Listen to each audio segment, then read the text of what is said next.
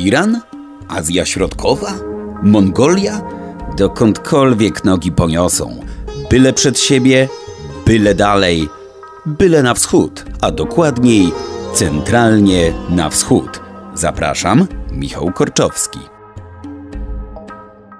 Dzień dobry, cześć, witajcie. Przy mikrofonie Michał Korczowski i z niekłamaną przyjemnością zapraszam Was na ostatni już w tym roku odcinek podcastu Centralnie na Wschód a w nim m.in. o największej traumie narodowej, randkach bezpruderyjności, a także o tym, za ile można obudzić w sobie ducha szamana, czyli o współczesnej Mongolii. Do tego odległego zakątka świata zabierze nas dr Jan Rogala z Wydziału Orientalistycznego Uniwersytetu Warszawskiego.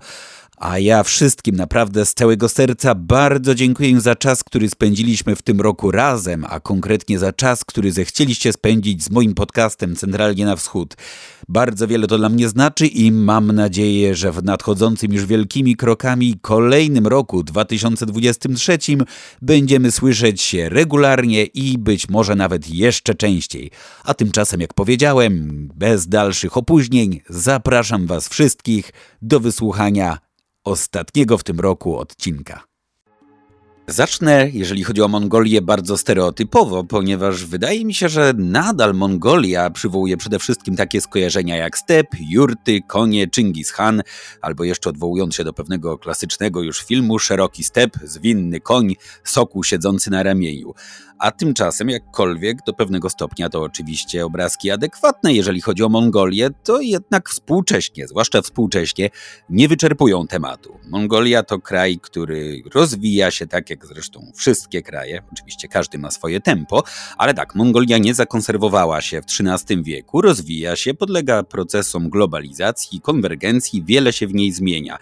I może, żeby nakreślić właściwie, jak wygląda współczesna Mongolia, chciałbym, żebyśmy zaczęli od tego, że może też wbrew stereotypowi to bardzo silnie zurbanizowany kraj. Wcale nie tak, jakby się mogło wydawać, wręcz przeciwnie. Znaczy, e, może tak, e, silnie zurbanizowanej raczej bym nie powiedział, ale rzeczywiście, jeżeli chodzi o wyobrażenie, jakie mamy mm, i bynajmniej utrwalamy, e, czy utrwalają w naszych głowach nasi nauczyciele, mówiąc nam, prawda, właśnie koń, step, szerokie przestrzenie i cały czas koczownicy, no nie do końca się ma z tym, kiedy pojawiamy się w Mongolii, wysiadamy z samolotu, nagle okazuje się, że jesteśmy w porcie pod Ulaanbaatar dzisiaj. I dojeżdżamy do miasta, które ma bloki, blokowiska, ale dookoła też i właśnie te wspomniane mm, jurty, czyli takie, no, można powiedzieć, osiedla całe jurt. Jednak e, wrażenie zawsze na wszystkich, e, którzy pierwszy raz odwiedzają Mongolię, e, robi mnogość bloków, ulic, samochodów terenowych.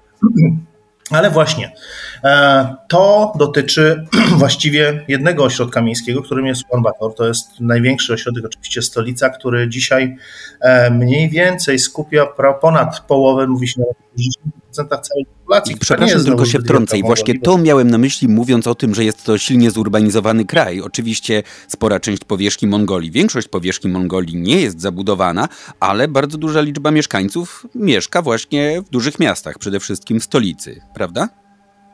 Tak, tak, to jest tutaj, tu, tutaj tak, to teraz już jest doprecyzowane. Rzeczywiście, jeżeli e, byśmy mówili w ten sposób, to tak, no jak mówię, ponad 60% dziś e, mieszkańców e, Mongolii, która jej populacja w sumie wynosi 3 miliony 400 tysięcy, mieszka w stołecznym Ulaanbaatar. Mamy jeszcze oczywiście kilka mm, ośrodków miejskich większych na terenie całej, całej Mongolii, może porozrzucane. Głównie jest to północ Mongolii, troszeczkę na zachodzie miast. E, Ale tu przepraszam, jeżeli chodzi o liczbę ludności, to tu jest wielka przepaść pomiędzy stolicą, prawda? Tak, one odstają właśnie od, mm, jeżeli chodzi o liczebność, e, jeżeli chodzi o liczebność, to one odstają rzeczywiście od tego, jak, jakie, jak mamy w, jaką mamy sytuację w Ulaanbaatarze, bo jest to mniej więcej nawet mniej niż jedna dziesiąta populacja każdego tego ośrodka miejskiego, o których powiedziałem, poza Ulaanbaatarskimi, to są mniej niż 100 tysięcy miasta.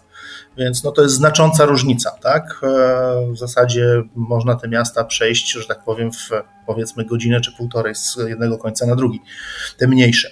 E, niemniej jednak prawdą jest, że ponad 3 e, czwarte Mongołów dzisiaj przestało już wieść ten e, koczowniczy tryb życia, a więc tutaj to ma Pan rację, Panie Michale, że e, możemy mówić o silnym zurbanizowaniu, bo jeszcze niespełna 100 lat temu w zasadzie 80% Mongołów e, było właśnie tymi koczownikami, które, którzy przemieszczali się za, za swoimi, podejrzając za swoimi stadami z jednego pastwiska na drugie.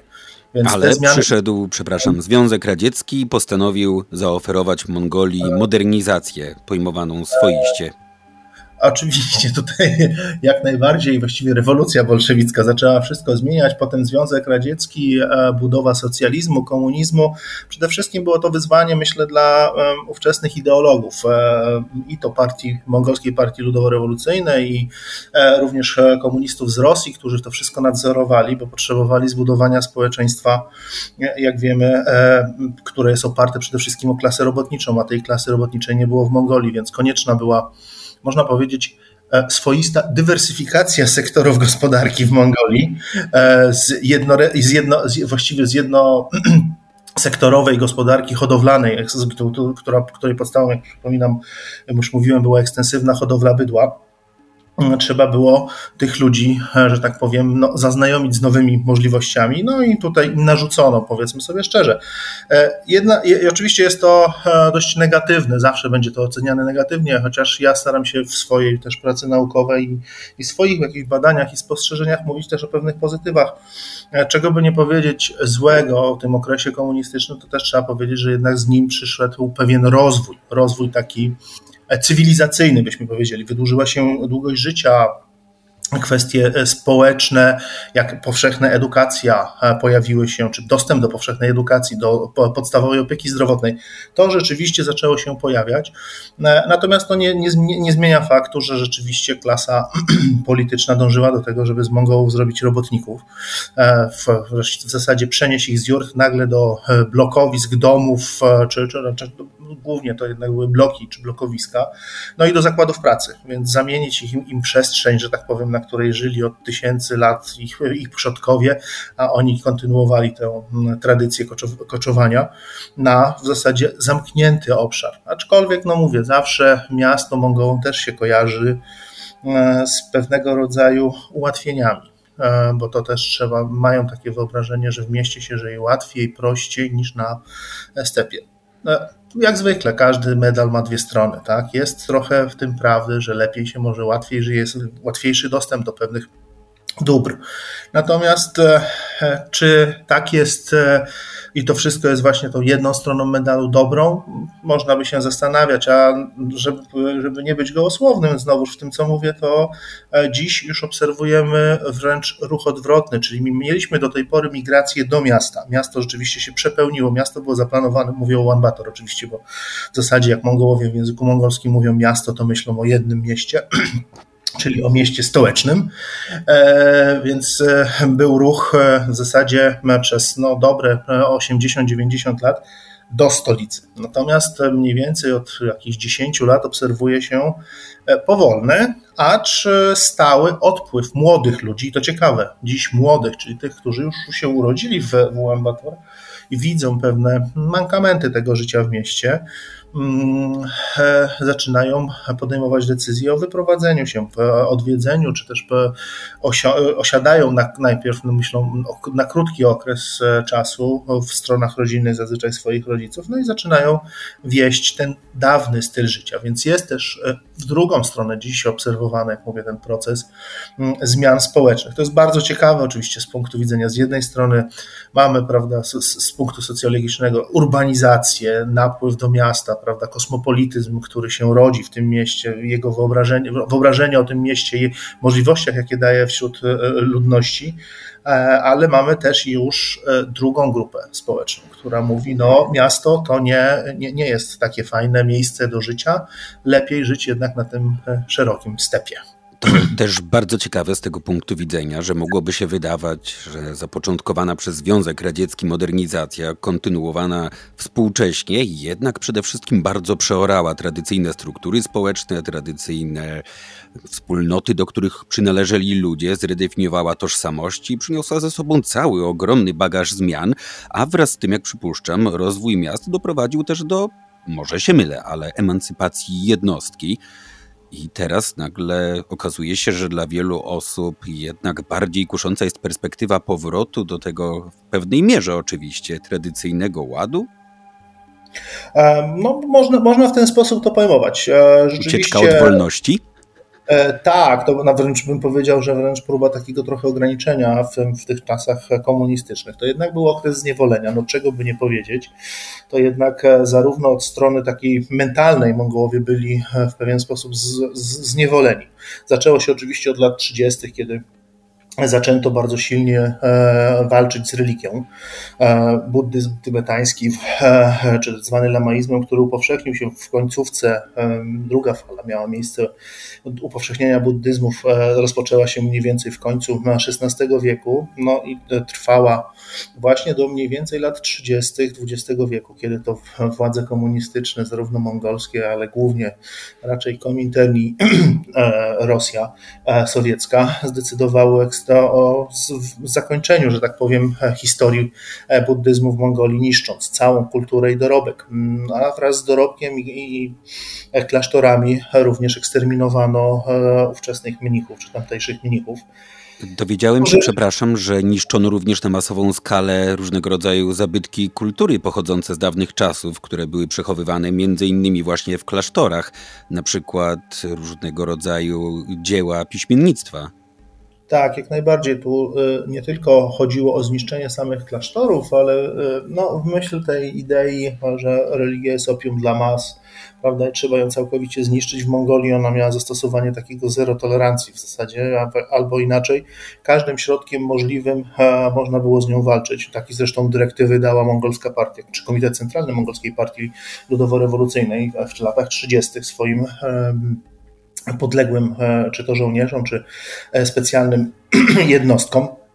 I oprócz, jak powiedziałem, eksterminacji mnichów, czy zeświadczenia, czy zmuszania ich do zrzucenia sutanny, zniszczenia klasztorów, oczywiście zniszczono inteligencję, dorobek religijny, czyli różnego rodzaju e, przedmioty związane z, z kultem religijnym, ale one były również uznawane za przedmioty które moglibyśmy zaliczyć do e, grupy mm, przedmiotów związanych z historią i rozwojem sztuki czy poczuciem estetyki w Mongolii, a z drugiej strony e, większość e, inteligencji mongolskiej była związana z kościołem buddyjskim, w związku z tym to właśnie tam powstawały, tak jak Pan powiedział, różnego rodzaju dzieła literackie, które były też tam przechowywane, a wraz ze zniszczeniem czy z wysadzeniem klasztorów w powietrze, no trudno, te dzieła w większości zostały zniszczone, spalone, spłonęły.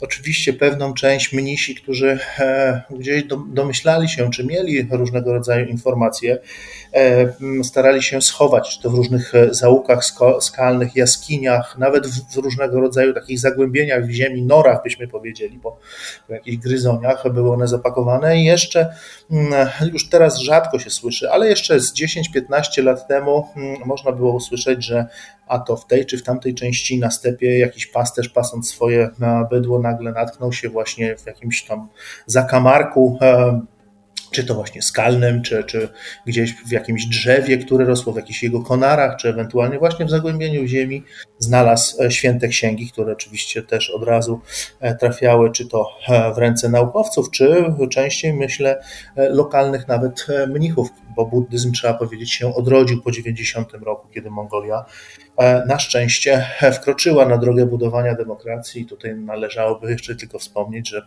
my jako Polacy no, mieliśmy w tym swój skromny udział, nasza solidarność, ale to pewnie może o tym za chwilę. Tak, myślę, że do tego jeszcze przejdziemy, ale jeżeli rozmawiamy o represjach, jakie spotkały religię w Mongolii ze strony Związku Radzieckiego, chyba warto też wspomnieć o tym, że nie dotyczyło to tylko buddyzmu, ale również tradycyjnego mongolskiego szamanizmu. Ta religia również była rugowana i to z tego co wiem bardzo bezlitośnie, nie przebierano w środkach. Czy może tak, e, wszelkie przejawy jakiegokolwiek e, światopoglądu religijnego były e, nastawione, czy były wystawione w zasadzie na atak, tak? I to atak, jak powiedziałem, zmasowany. Mm, jeżeli chodzi o szamanizm, to już w okresie XX wieku ten szamanizm był, można powiedzieć, bardzo dużym zaniku, ze względu na to, że jednak to buddyzm tybetański dominował w Mongolii, stał się religią państwową i do początków XX wieku był tą dominującą religią, aczkolwiek to, jeżeli Pan już przywołał, no oczywiście każdy, jak powiedziałem, przejaw, łącznie oczywiście z szamanami czy z szamanistami, E, czy z wyznawcami, którzy by praktykowali, e, było to napiętnowane przez e, ówczesnych polityków, no i oczywiście policję tajną, która mm, też działała na terenie Mongolii, więc niszczono każdy przejaw światopoglądu, jakikolwiek by się pojawił, oczywiście światopoglądu religijnego w Mongolii. Więc można powiedzieć poniekąd, że również szamaniści też ucierpieli, ale oni wcześniej ucierpieli, to trzeba powiedzieć to szczerze, jeżeli chodzi o liczebność pewnie byli w, dużo, w dużej mniejszości w stosunku do tego, jaką grupę stanowiła grupa mnichów. Mówi się oficjalnie o ponad 20 tysiącach ofiar represji stalinowskich, jeżeli chodzi o, oczywiście o lamów buddyjskich. Przy czym wśród lamów buddyjskich również w tej, w tej, w tej grupie zalicza się, czy w tej liczbie 20, ponad 20 tysięcy, e, zalicza się również e, arystokrację inteligencję, ale te grupy były ze sobą bezpośrednio powiązane, więc e, E, przyjmuje się e, to, to, tę liczbę jako 20 tysięcy hmm, buddyjskich mnichów i, jak powiedziałem, e, inteligencji mongolskiej została unicestwiona oficjalnie, nieoficjalnie mówi się nawet o 100 tysiącach. Więc w stosunku do populacji, która wtedy miała stanowić od 6 do 700 tysięcy ludzi, to mamy olbrzymi odsetek ludzi, którzy mieli stracić życie w ciągu niespełna powiedzmy sobie dwóch czy trzech lat, a jeżeli spojrzymy troszeczkę szerzej, no to w perspektywie 10 lat e, miały te wszystkie wydarzenia smutne e, w dziejach XX wieku Mongolii miejsce. Eksterminacja duchownych, już sama eksterminacja duchownych musiała siłą rzeczy ze względu na swoją skalę odcisnąć piętno na strukturze demograficznej całego kraju. Poza tym e, wyobrażam sobie, a właściwie to niemal oczywiste, że modernizacja pod egidą Związku Radzieckiego tak naprawdę przejechała, powiedzmy, przejechała przez tradycyjne struktury, przez tradycyjny, dotychczas trwający przez bardzo długi czas ład na tamtych ziemiach, niczym walec, dewastując, wywracając wszystko na nicę, a to przede wszystkim właśnie z zamiarem stworzenia nowego człowieka, tak jak powiedzieliśmy, przerobienia niejako koczowników, nomadów na ludzi epoki industrialnej, na proletariat. Wyobrażam sobie, że to naprawdę musiała być rewolucja, świat musiał zostać no, wywrócony do góry nogami, ale spotkałem się też z takimi opiniami, z takimi sformułowaniami, że obecną, współczesną mongolską tożsamość tak naprawdę tworzy świadomość trzech traum: upadku Imperium Mongolskiego, trwającej 300 lat okupacji chińskiej, no i właśnie później już czasów Związku Radzieckiego.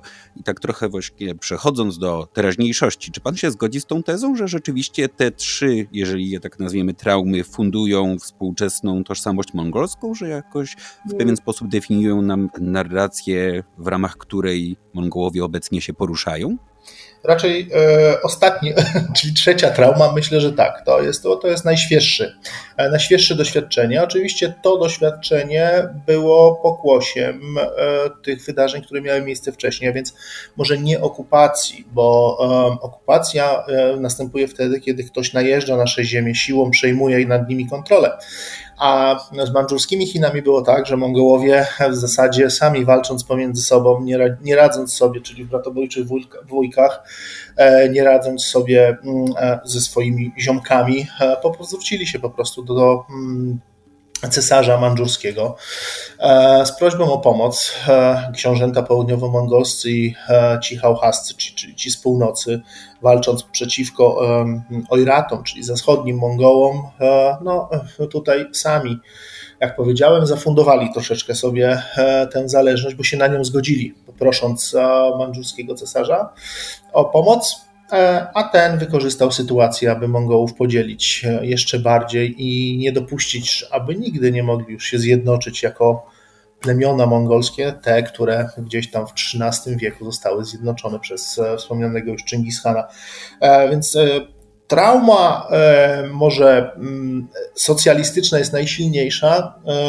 Zależność mandżurska, podległość pod mandżurskie Chiny i pod administrację chińską w ostatnim jej okresie dominacji, a więc końcówka XIX wieku, kiedy rzeczywiście był e, dość silny e, ruch mm, antymandżurski w Mongolii i również antychiński, byśmy powiedzieli, czy to jest, czy, czy możemy ten okres tej dominacji mandżurskiej, właśnie jak mówię, my nazywamy to jako dominacja mandżurska, traumą, z jednego, tak, zgodziłbym się mm, w tym połowicznie. E, traumą podziału tak, ponieważ jak powiedziałem, Mandżurowie wykorzystali mm, tę sytuację i te bratobójcze walki, walki pomiędzy Mongołami do tego, żeby ich podzielić, trwale podzielić.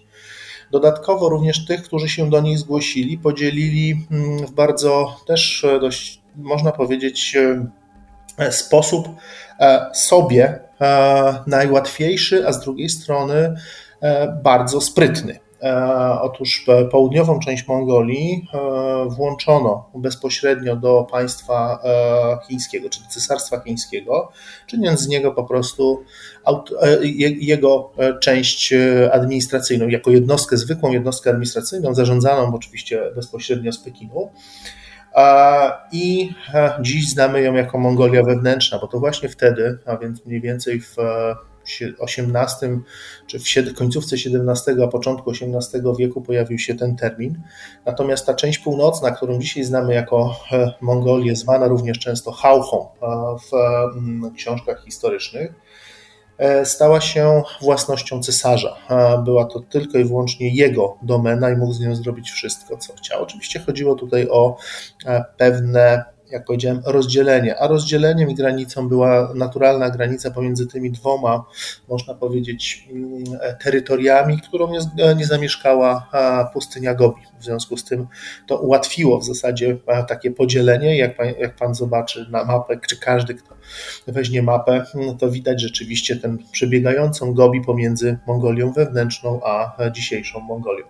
A odnosząc się do pierwszej traumy, nie uważam, że rozpad Imperium Mongolskiego e, można nazwać taką traumą, którą gdzieś tam Mongołowie przeżywają. Raczej e, zawsze to jest właśnie ich charakter. Oni nie rozpatrują tych negatywnych aspektów, a raczej zawsze patrzą pozytywnie na to, co się wydarzyło i co z tego płynie dla nich pozytywnego. Stąd są dumni z tego stworzenia państwa mongolskiego jako późniejszego imperium, no, o czym świadczą chociażby też obchody właśnie w 2006 e, roku, 800-lecia utworzenia tego państwa mongolskiego. Zaznaczam tu państwa mongolskiego, a nie imperium. Imperium się stało później. E, więc, a rozpad, rozpad był, nie, nie, nie, był nieunikniony dla Mongołów, e, patrząc na historię innych ludów, które przed e, panowaniem Mongołów e, rządziły ziemiami wyżyny mongolskiej, czy to ludy turkijskie, czy to również wcześniejsze plemiona koczownicze, takie jak Siungnu, czy jeszcze wcześniej Scytowie, to wszystko widzimy, że były kruche państwa z jednym lub dwoma, kilkoma silnymi władcami początkowo, a później niestety pojawiały się bardzo często różnice zdań, interesów e, na dworze i doprowadzało to oczywiście do, do, do rozpadu.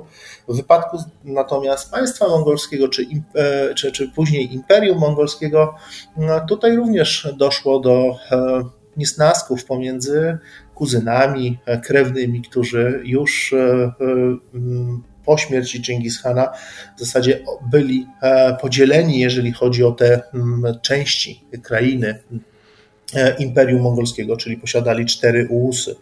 A w związku z tym e, to już wtedy można by było powiedzieć, że dokonany został na łożu śmierci, jak to się mówi, Chingis miał e, podzielić te ziemię pomiędzy swoich synów, a później to zapoczątkowało dalszy, no i jak powiedziałem, nieuchronny podział tych ziem i społeczności. Musimy być też świadomi, że imperium obejmowało olbrzymie terytorium w największym tym apogeum swojej wielkości. E, osiągnęło powierzchnię 33 milionów kwadratowych. Ja zawsze mówię studentom, no jak weźmiecie Państwo mapę, to od Morza Żółtego po Morze Czarne, pas taki, który widać ładnie, zieleni nam się, że tak powiem, częściowo na, na na mapie troszeczkę też żółci, no bo tu mamy i Wyżyny i później mamy też dawny Chorys, dzisiaj, prawda, czy to Persję, czy, Afgani, czy Afga, Iran, czy Afganistan, e, no to to terytorium e, było zamieszkałe przez olbrzymią liczbę różnorodnych ludów. E, Mongołów było niewielu, więc trudno by było, żeby oni utrzymali tę siłę jedności, pomimo że próbowali i znany oczywiście w historii Pax Mongolica, czy mm, tolerancja, która, którą, którą się szczycono w, w, w państwie czy w Imperium Mongolskim jest bardzo słynna, natomiast no, siłą rzeczy to nie, była, to nie było możliwe, żeby to państwo zostało utrzymane. To jest oczywiście moje zdanie, ktoś się może z tym nie zgadzać, możemy tym, na ten temat oczywiście zawsze polemizować. Więc wracając do Pana pytania o traumy, myślę, że mm, traumą największą jest XX wiek i niestety to, e, w jaki sposób e, zniszczono e, dokonania tych pokoleń i wieków tradycji, poczynając od XIII wieku, a kończąc właśnie na początku XX, czyli przez i imperium, i tradycje arystokracji, czy feudalne, jak to oczywiście w nomenklaturze e, komunistów e, było nazywane, czy właśnie e, religię buddyjską i związaną z nią kulturę, czy wręcz bym powiedział rozwój w momencie, kiedy buddyzm się upowszechnił w Mongolii, nastąpił wręcz e, nastąpiła eksplozja, rozwój kultury wszystkich w zasadzie dziedzin, od e, rzeźby, malarstwa, skończywszy na teatrze. To wszystko było zawsze związane z osobami e, duchownymi w dużej mierze i to, i to oni, to dzięki nim Mongołowie zawdzięczali właśnie te dokonania największe, które dzisiaj znamy, pamiętamy o nich, o których mówimy czy, czy uczymy u nas również na uniwersytecie. Jeżeli mówimy o traumie ostatniej, czyli związanej ze Związkiem Radzieckim, z modernizacją pod egidą Związku Radzieckiego, czy Mongołowie uświadamiali sobie tragizm tej sytuacji, wszelkie konsekwencje tak prowadzonej modernizacji już w momencie, gdy ona zachodziła, czy dopiero z perspektywy czasu sobie to uświadomili? Czy to było tak, że dopiero po upadku Związku Radzieckiego, gdy trzeba było wymyślić się na nowo, stworzyć nową koncepcję tożsamości mongolskiej, nowe mity fundacyjne, jak się domyślam, wtedy dopiero, gdy sięgnięto do tego, co było wcześniej, uświadomiono sobie, jak ogromną szkodę, jak wielkiej tragedii doświadczyła historia i wcześniejszy dorobek?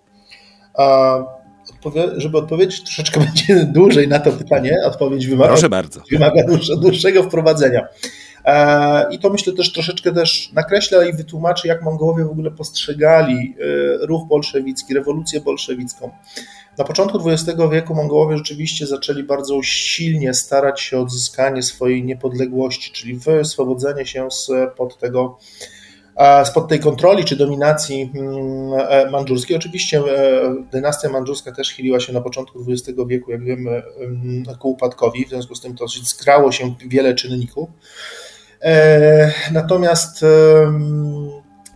rewolucja, która zwyciężyła, czy też przyniosła de facto wreszcie tę upragnioną, można powiedzieć, suwerenność, bo tutaj trudno raczej mówić o pewnej, pełnej niepodległości, bo raczej była Mongolia zależna od Związku Radzieckiego. Mówię o rewolucji oczywiście 1921 roku. Przez Mongołów zawsze i, i pewnie będzie e, na wieki określana i oceniana pozytywnie e, i tak ją należy postrzegać. E, nazywana jest ludową. Tutaj zawsze my mamy problem, prawda? Jeżeli mówimy o rewolucji ludowej, kojarzy nam się ona bezpośrednio rzeczywiście z ruchem czy, czy ideologią komunistyczną, czy, czy, czy socjalistyczną, no komunistyczną tutaj i bolszewicką. E, w Mongolii było również to oczywiście było połączone z działaniami bolszewików, Armii Czerwonej, E, czy, czy armii bolszewickiej na, na jeszcze w, na terenie najpierw Syberii, a potem dalej Zabajkala i e, do Mongolii. Ale Mongołowie wiązali cały czas z tym ruchem e, bolszewickim właśnie szansę na odzyskanie niepodległości. Oczywiście nie można powiedzieć, że się wcześniej nie próbowali w jakikolwiek sposób jednoczyć i, i, i działali jeszcze przecież w 1911 roku, a, a, a, przywrócili, znaczy osadzili na tron przywódcę religijnego Bogdogegena, więc ostatniego Hana można by było powiedzieć. Miało to miejsce 29 e, grudnia, było ogłoszenie, czy proklamowanie może niepodległości Mongolii, natomiast kilka tygodni wcześniej on został mm, e, koronowany, można powiedzieć, na ostatniego Hana. Ten Hanat mongolski przetrwał niestety raptem 4 lata do 1915 roku, kiedy to już Rosjanie e, współpracując z nowym rządem Chin i dogadując się odnośnie stref wpływów, E, zdecydowali, że mm, Mongolia będzie jednak nadal autonomią, aczkolwiek Rosjanie utrzymają tam swoje e, wpływy i rzeczywiście była autonomią w ramach państwa chińskiego do 1919 roku, e, kiedy to Chińczycy bezpośrednio wkroczyli ze swoimi wojskami, łamiąc wszelkie już ustalenia pomiędzy Mongolią, Chinami a mm, Rosją jeszcze wtedy carską i traktat z Kiachty z 1915 roku. E, ale wkrótce nadeszli uciekający przed właśnie czerwonymi, chroniący się na Dalekim Wschodzie e, biali, biało, białogwardyści, którzy dotarli do Mongolii, e, trafili akurat na taki moment, kiedy wśród Mongołów również rozgorzała taka idea budowania mm, Wielkiej Mongolii, zwana panmongolizmem. A tutaj również wspierana właśnie przez niektórych mm, generałów armii białogwardyjskiej, która uciekła właściwie, była jeszcze wcześniej przed, pod dowództwem generała Kołczaka, ale uciekła e, najpierw na Zabajkale, mam tu na myśli przede wszystkim Atamana Siemionowa, który mm, wspierał e, ruch e, panmongolistyczny. Oczywiście była to troszeczkę utopijna już wizja w tym współczesnym świecie. W każdym bądź razie, patrząc co się dzieje dalej, Mamy e, białogwardzistów e, z niejakim baronem Ungerem von Sternbergiem, który mm, wygania Chińczyków i jawi się Mongołom jako taki wybawiciel, mm, aczkolwiek znowuż postać dość e, tragiczna, znana w historii jako też krwawy baron, został później pozbawiony i życia przez bolszewików, którzy wspólnie z armią ludową mongolską przybyli do Mongolii i oswobodzili właśnie wczesną urgę, dzisiejszy Ulaanbaatar, z rąk, jak to się mówi, i chińskich, i białogwardyjskich. E, I wtedy ogłoszono właśnie tę e, suwerenność czy niepodległość e, Mongolii. Wtedy jeszcze Mongołowie nie zdawali sobie sprawy, uważali, że właśnie ta ludowość, ten termin ludowy mówi o tym, że cały naród starał się odzyskać tę Mm, niepodległość i suwerenność. I tak, dlatego ta rewolucja po dziś dzień pozostaje w głowach Mongołów jako pozytywne wydarzenie, które przyniosło zaistnienie Mongolii. No niestety trzy lata później e, już w 1924 roku e, Komintern, jak i komuniści z Rosji wiedzieli, że nie mogą wypuścić Mongolii z rąk tej chociażby części północnej. E, bo jest ona dość istotna e, dla e, polityki szerzenia idei rewolucji bolszewickiej. No i zaczęli już umacniać swoją władzę. Najpierw przysyłając w zasadzie projekt pierwszej mongolskiej konstytucji, przetłumaczonej z języka rosyjskiego i przyjętej w listopadzie 1924 roku, dokładnie 26 listopada. Po dwóch czytaniach, zadaniu sesji pytań, została ona po prostu e, przyjęta bez najmniejszego e, zająknięcia, czy też zwrócenia uwagi na ewentualne e, odstawanie pewnych artykułów od charakteru chociażby mongolskiej, e, mongolskiego państwa i myśli i tożsamości jako takiej. Zresztą wtedy jeszcze się nad tym nie zastanawiano i długo się nad tym nie zastanawiano, e, ale raczej bym powiedział, że brnięto już w ten rozpoczęty mm, proces, chociaż rok 1932 i chwycenie za broń przez e, mnichów buddyjskich, e, którzy sprzeciwiali się, zaczęli się sprzeciwiać bardzo silnie e, polityce władz, która zaczęła przede wszystkim od konfiskaty mienia i majątków klasztorów, pozbawiając również duchowieństwo mm, głosu czy też statusu społecznego, spychając ich w zasadzie na margines społeczeństwa. Tutaj zaczęło się rodzić jakieś rodzaj świadomości, jakie zagrożenie niesie ze sobą jednak ta idea rewolucji e, bolszewickiej, ale e, bolszewicy i komuniści już byli na tyle silni, na tyle byli schierarchizowani, że przeniknęli do właściwie wszystkich części Mongolii, że mogli już kontrolować stopniowo, przejmować kontrolę nad wszystkimi dziedzinami życia. I stąd po 1932 roku, kiedy to powstanie wybuchło i ono zostało szybko wy, e, wygaszone, można powiedzieć, przez e, specjalne oddziały, gdzie nawet rozważano również wsparcie ze strony Armii Czerwonej, ale do tego na szczęście nie doszło, przy czym było oczywiście kilka pacyfikacji wtedy zaczęła się rzeczywiście e, wielka, przygotowanie wielkiej tak operacji pozbycia się Lamów. Tutaj już towarzysz Stalin zwrócił bardzo mocną uwagę na Mongołów. E, więc myślę, że lata 30. dopiero XX wieku, więc mniej więcej gdzieś 10 e, lat zajęło Mongołom e, przejrzenie na oczy, takie pierwsze przejrzenie na oczy, ale później no, ta silna, że tak powiem, ręka terroru komunistycznego sprawiła, że Mongołowie w zasadzie podporządkowali się tej, mm, tej ideologii i, i, i tej no niestety e, zgubnej polityce, ja bym jednak to tak nazwał dla nich. E, dlaczego mówię o zgubnej? Ponieważ e, przyjęcie różnego rodzaju rozwiązań na wzór radziecki, bardzo często bezmyślne, mm, niedostosowanie projektów reform do początkowo oczywiście do charakteru mongolskiej gospodarki czy mongolskiego społeczeństwa, świadomości e, Mongołów powodowała, że to były plany, które były od razu na starcie skazane na e, porażkę. Natomiast Rosjanie parli do przodu. Zdali sobie mniej więcej w okolicy lat 50., czy no tak zajęło im to te znowu te 30 lat, E, że jednak, żeby Mongolię zmienić, tak jak my tu mówimy, czyli dokonać tej zmiany w światopoglądzie, w, e, w sposobie e, też funkcjonowania społeczeństwa, trzeba implikować Mongołom reformy z dostosowaniem do ich, do charakteru ich właśnie społeczeństwa, czy nawet samej idei tożsamości, chociaż tutaj o tożsamości to już trudno mówić, bo e, założono e, przecież istnienie e, jednego wielkiego świata socjalistycznego, prawda, gdzie, gdzie nie miało być narodowości, wszyscy mieli być równi mm, czy mieli mieć tak samo równo i dobrze, jak to bardzo często komunistyczni propagandziści mówili. E, więc e, Mongołowie trwali w takim, że tak powiem, e, można powiedzieć, letargu, mając tę świadomość lat 30., kiedy próbowano się jednak w jakiś sposób sprzeciwić polityce władz, ale nie byli na tyle silni. Zresztą zdawali też sobie sprawę, że cały czas zagrożenie z południa mm, istnieje, bo niezależnie od tego, czy to były Chiny Sun Yat-sena, więc ta Republika Chińska, która nomen omen sama musiała się ewakuować, jak wiemy, na Tajwan. Nie uznawała Mongolii do początku lat 2000, do lat 2000.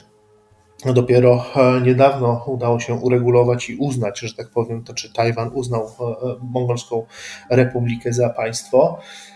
E, więc mieli tę świadomość, że czy to są Chiny, e, czy e, późniejsze mm, komunistyczne Chiny Mao Tse-tunga, zawsze ci przywódcy wspominali o tym, że Mongolia to tak naprawdę zbuntowana właśnie prowincja, która powinna powrócić do, do tak zwanej macierzy.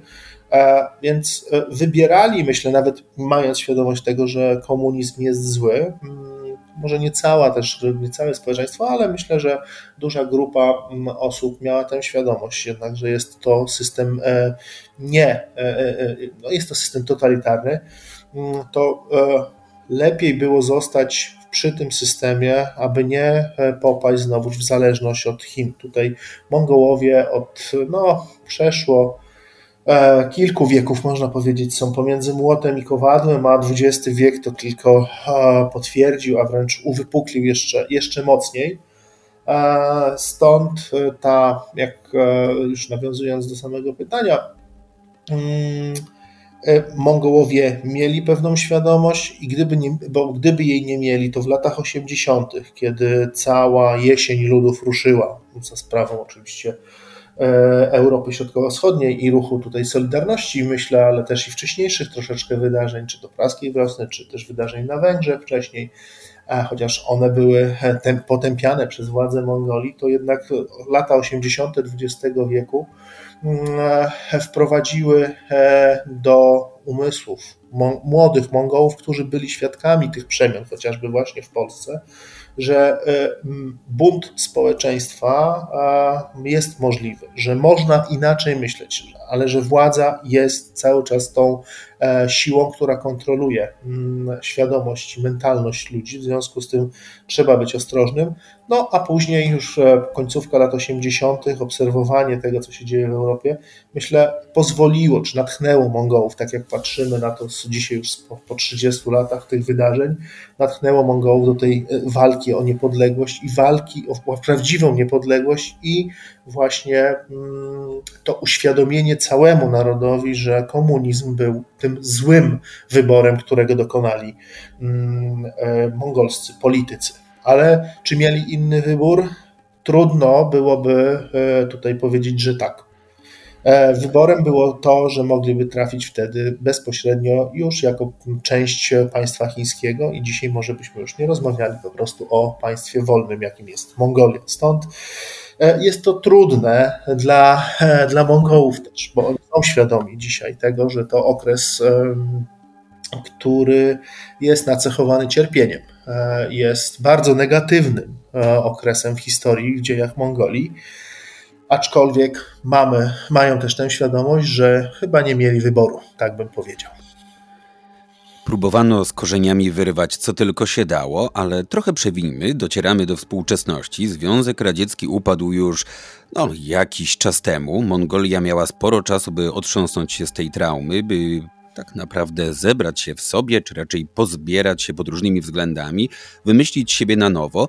I to, o czym pan wcześniej powiedział, że Ulan Bator widać bardzo wyraźnie dużą ilość jurt. I tu już myślę, że mamy jak na dłoni dowód na to, że modernizacja pojmowana przez Związek Radziecki jako proces unilinearnych zmian prowadzących zawsze przez te same stadia, na końcu których jest ten sam rezultat, według Związku Radzieckiego społeczeństwo socjalistyczne, komunistyczne, nie działała, bo chociaż Mongolia rzeczywiście, jak powiedzieliśmy, jak najbardziej podlega globalizacji, instytucje ulegają konwergencji, świat jest otwarty, to jednak w mieście silnie zurbanizowanym, do którego jeszcze do niedawna ciągnęły masy ludzi liczących na lepsze jutro, na większe możliwości związane z życiem stolicy, mamy jurty.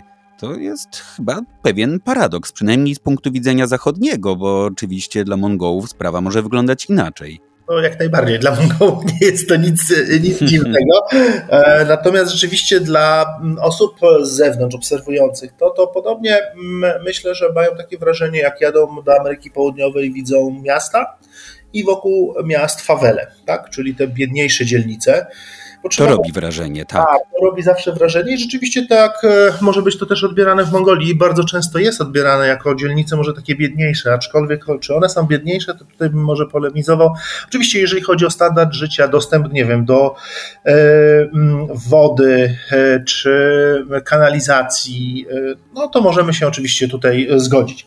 Ale wracając do, do tutaj do, do tego dysonansu, który mamy w obrazie, prawda, stolicy z jednej strony, jak powiedziałem, szklane, piękne biurowce, wieżowce, bloki, osiedla, no i dookoła mm, jurtowiska. E, jest w takiej, można powiedzieć, ścieżce mm, osoby, no, koczownika, który przenosi się do miasta kilka etapów, można by było tak to nazwać. Mamy etap, kiedy ktoś decyduje się i przyjeżdża z tej prowincji, jeżeli E, nie ma tam rodziny, nie ma się gdzie zatrzymać, to mógł, że tak powiem, jeszcze kilkanaście czy kilkadziesiąt lat temu e, po prostu wystąpić do miasta o to, że by zezwolono mu się e, osiedlić, czyli rozbić jurtę de facto. Nie było to wielkie E, wielkim problemem, przecież koczownicy, jak wiemy, od wieków e, takim domostwem e, dysponowali, w związku z tym rozbijał tę jurtę właśnie na, na zboczach okalających Dolinę Łanbatorską mm, swoją jurtę. No i tak rozrastały się te, mm, można powiedzieć, dzielnice jurt E, bo one były od początku. Przecież Ulan Bator jeszcze na początku XX wieku nie miało żadnego murowanego budynku. Było tam kilka tylko budynków, które e, było drewniane. Później zaczęto dopiero wznosić e, budowle mm, murowane czy nawet tynkowane, ale na szkieletach jeszcze drewnianych. I były osie, przecież jurty były po prostu w krajobrazie. One zostały bardziej, bym powiedział, wyparte czy zepchnięte właśnie przez budownictwo betonowe czy, czy, czy ceglane w drugiej połowie XX wieku na obrzeża. Mm, I tam pozostały, oczywiście te jurtowiska się w związku z tym rozrosły. No i taki koczownik mógł wystartować właśnie od takiego jurtowiska. Bardzo często ja obserwuję u różnych znajomych, których mam w Mongolii, mm, rozwój ich, można by było powiedzieć, kariery mm, obywatela e, e, stolicy, e, bo po kilkunastu czy kilku, kilku, kilku lub kilkunastu latach, kiedy no, udało im się stanąć powiedzmy w mieście na nogi, zaczęli w miarę sensownie zarabiać, w miejscu, w którym stała jurta, bardzo często stawiali nieduży drewniany domek, e, który był kolejnym e, etapem e, tego ich zmiany statusu, zarówno społecznego, jak i materialnego. Z czasem obok tego, czy na miejsce tego drewnianego domku pojawiał się nieduży murowany dom. No a później bardzo często też sprzedawali to miejsce i przenosili się do bloków. E, chociaż dzisiaj niekoniecznie bloki jawią się jako ten najwspanialszy e, lokum dla, do mieszkania, ale rzeczywiście e, taka, taka ścieżka, jak mówię, tej kariery obywatela stolicy mogła być jeszcze myślę, że z 10-15 lat wstecz bardzo dobrze zaobserwowana, bo to się działo, no, mogę powiedzieć, troszeczkę też na moich oczach, stąd mówię jako już świadek tego, jak to ja bynajmniej oceniam i widzę. E, dziś e, jurty nadal stanowią, czy jurtowiska dookoła stanowią jednak te dzielnice, gdzie żyją e, ludzie o niższym statusie materialnym w, w Ulaanbatorze niż ci, którzy mieszkają czy to w, w blokach, czy w domach nawet jednorodzinnych, których jest też już. A, przepraszam, bo powiedział pan, że w tych dzielnicach różnie bywa z dostępem do mediów, do prądu, wody. Choć te procesy, proces migracji do stolicy, jak pan wspomniał, trwa już bardzo długo, to nie jest nowe zjawisko, to władze do tej pory nie postanowiły jakoś tutaj zapewnić obywatelom chociaż tych podstawowych, wydawałoby się z naszego punktu widzenia, zdobyczy cywilizacyjnych. I jeszcze dopytam, czy nie pojawia się tam jakiś ruch społecznego sprzeciwu? Czy ludzie sami nie domagają się, by może tak trochę o nich zadbano?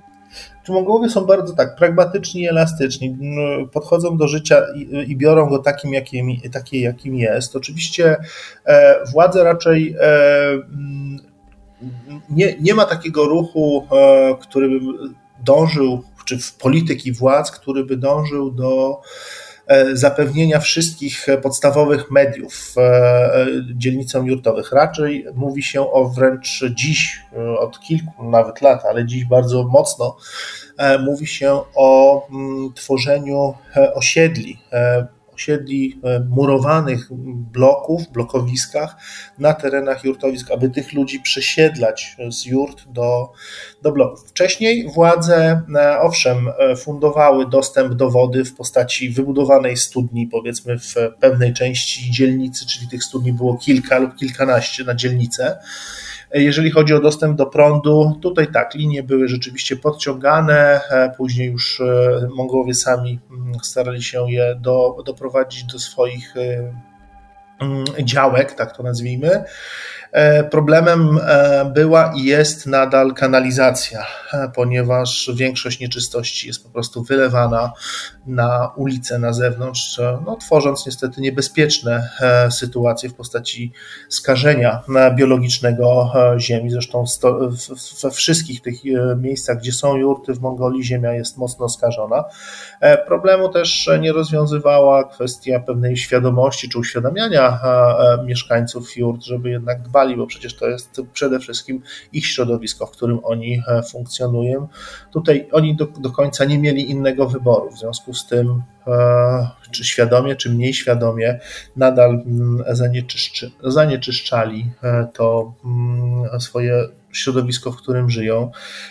Problemem również związanym z jurtowiskami jest kwestia smogu, ponieważ jurty, jak wiemy, wyposażone są w kozy, które nie są w żaden sposób zaopatrzone znowuż w filtry czy w jakiekolwiek kominy z filtrami, które by oddzielały chociażby te naj, naj, najniebezpieczniejsze spaliny, tylko wszystko, co wrzuci się do pieca, szło w, w górę, a że One Bator jest, jak powiedziałem, położone w dolinie, no to z tych jurt i z tych kominów jurtowych całe zanieczyszczenie w zasadzie spływało do, do doliny, w której żyli ci mieszkańcy bloków i blokowisk wcześniej wybudowanych.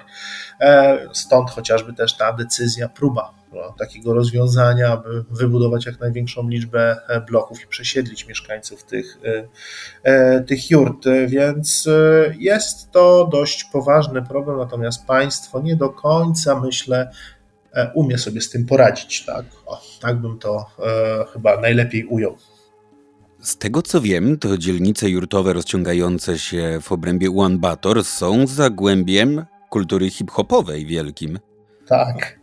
E, no, e, blokowiska również, ale rzeczywiście tam w kilku, e, kilku najbardziej utalentowanych i uznanych i dzisiaj szanowanych mongolskich hip-hopowców rzeczywiście pochodzi z, no, z dzielnic, z dzielnic zaznaczam, bo to nie jest jedna dzielnica, to jest kilka dzielnic, dzielnic jurtowych w okolicach Ulaanbatoru. Zresztą niektórzy w swoich utworach też odnoszą się do tej swojej tożsamości można by było powiedzieć, miejskiej, czy, czy, czy, czy właśnie mm, z, z jurtowiska, jak my to e, lubimy e, e, nazywać.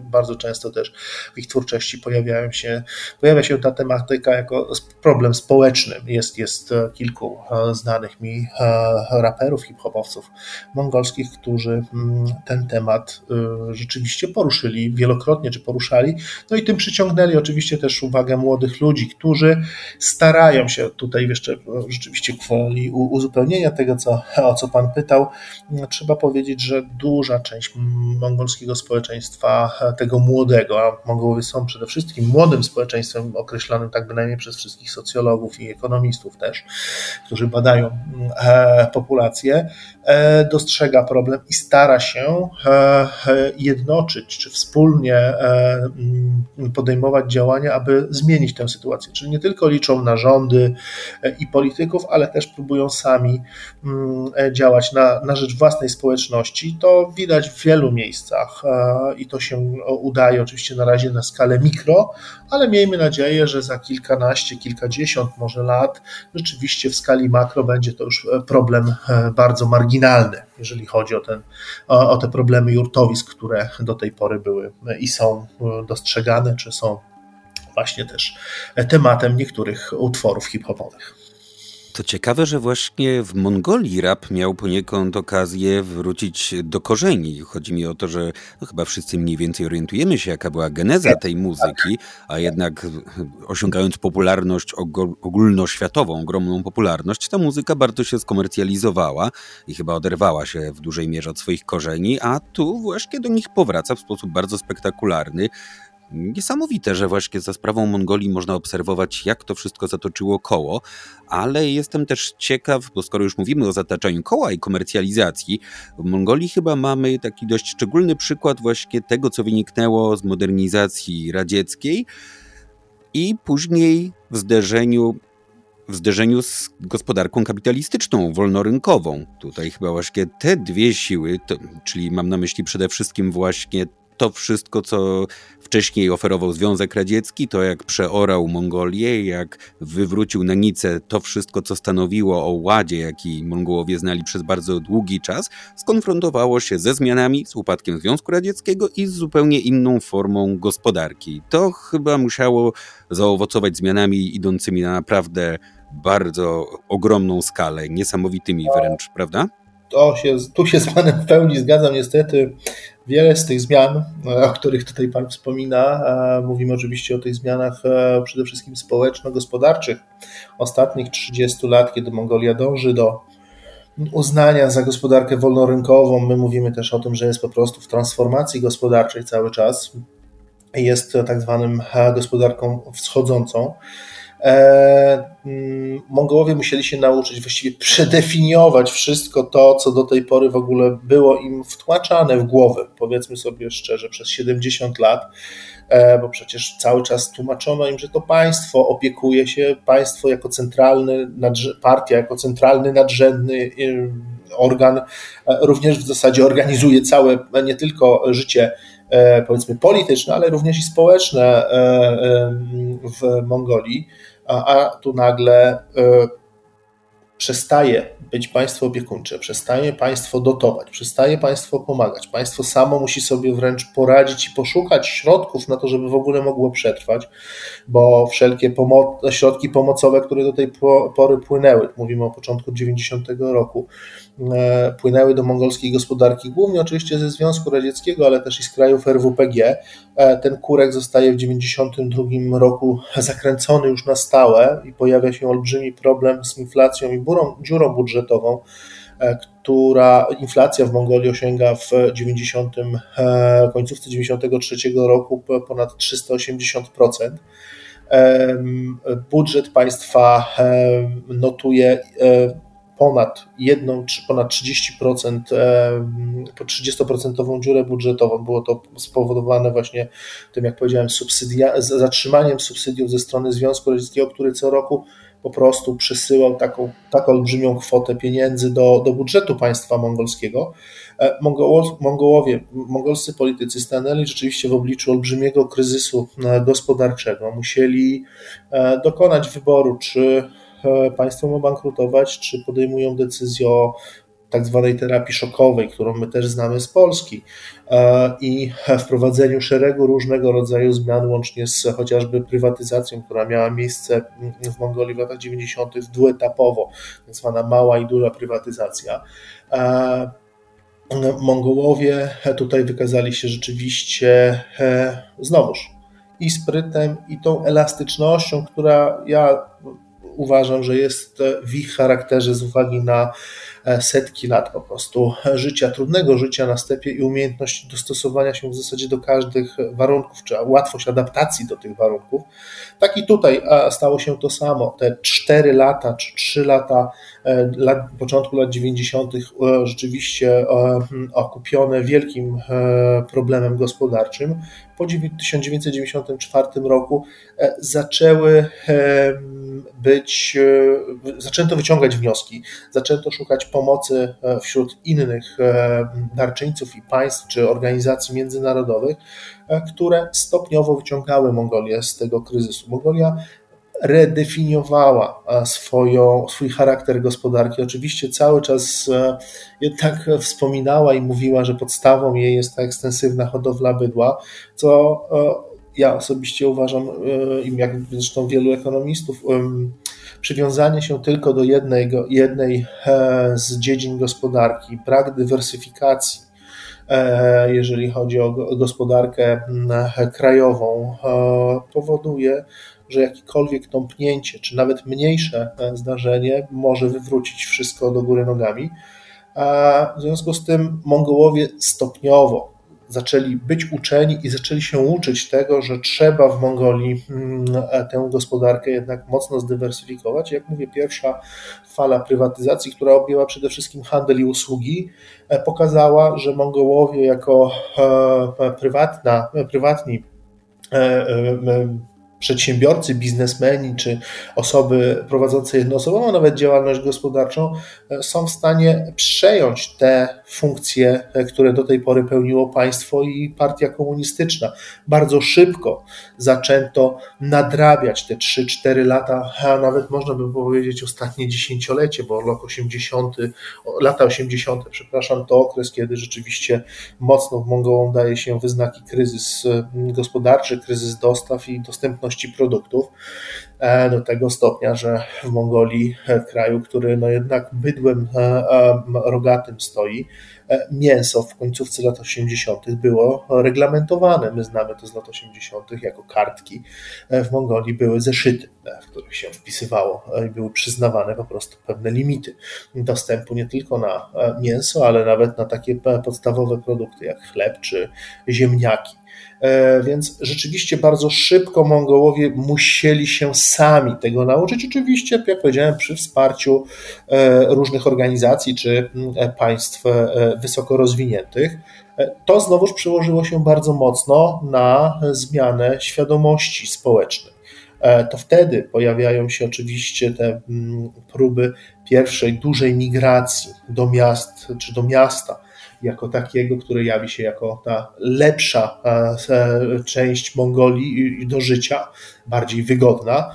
E, dodatkowo oczywiście lata 2000, 2001, 2002, kiedy miały miejsce kolejne klęski żywiołowe w postaci dzudu, jest to forma zimowej katastrofy, kiedy następuje zbyt duża ilość opadów e, śniegu oraz bardzo e, duże spadki temperatur sięgające 40 czy nawet w niektórych miejscach 50 stopni, powoduje to, że śnieg e, ulega sublimacji, pojawia się lód i zwierzęta, które do tej pory mogły odkopać sobie suchą trawę, nie mogą się przebić przez warstwę lodu, w związku z tym po prostu ginęły z mm, z głodu. E, lata w związku z tym 2000-2002 spowodowały bardzo duże straty w pogłowiu bydła. To był cios kolejny do, dla Mongołów, w tym takim można by było wydawało się pokonaniu pierwszych trudności w transformacji ustrojowej, transformacji gospodarczej lat 90.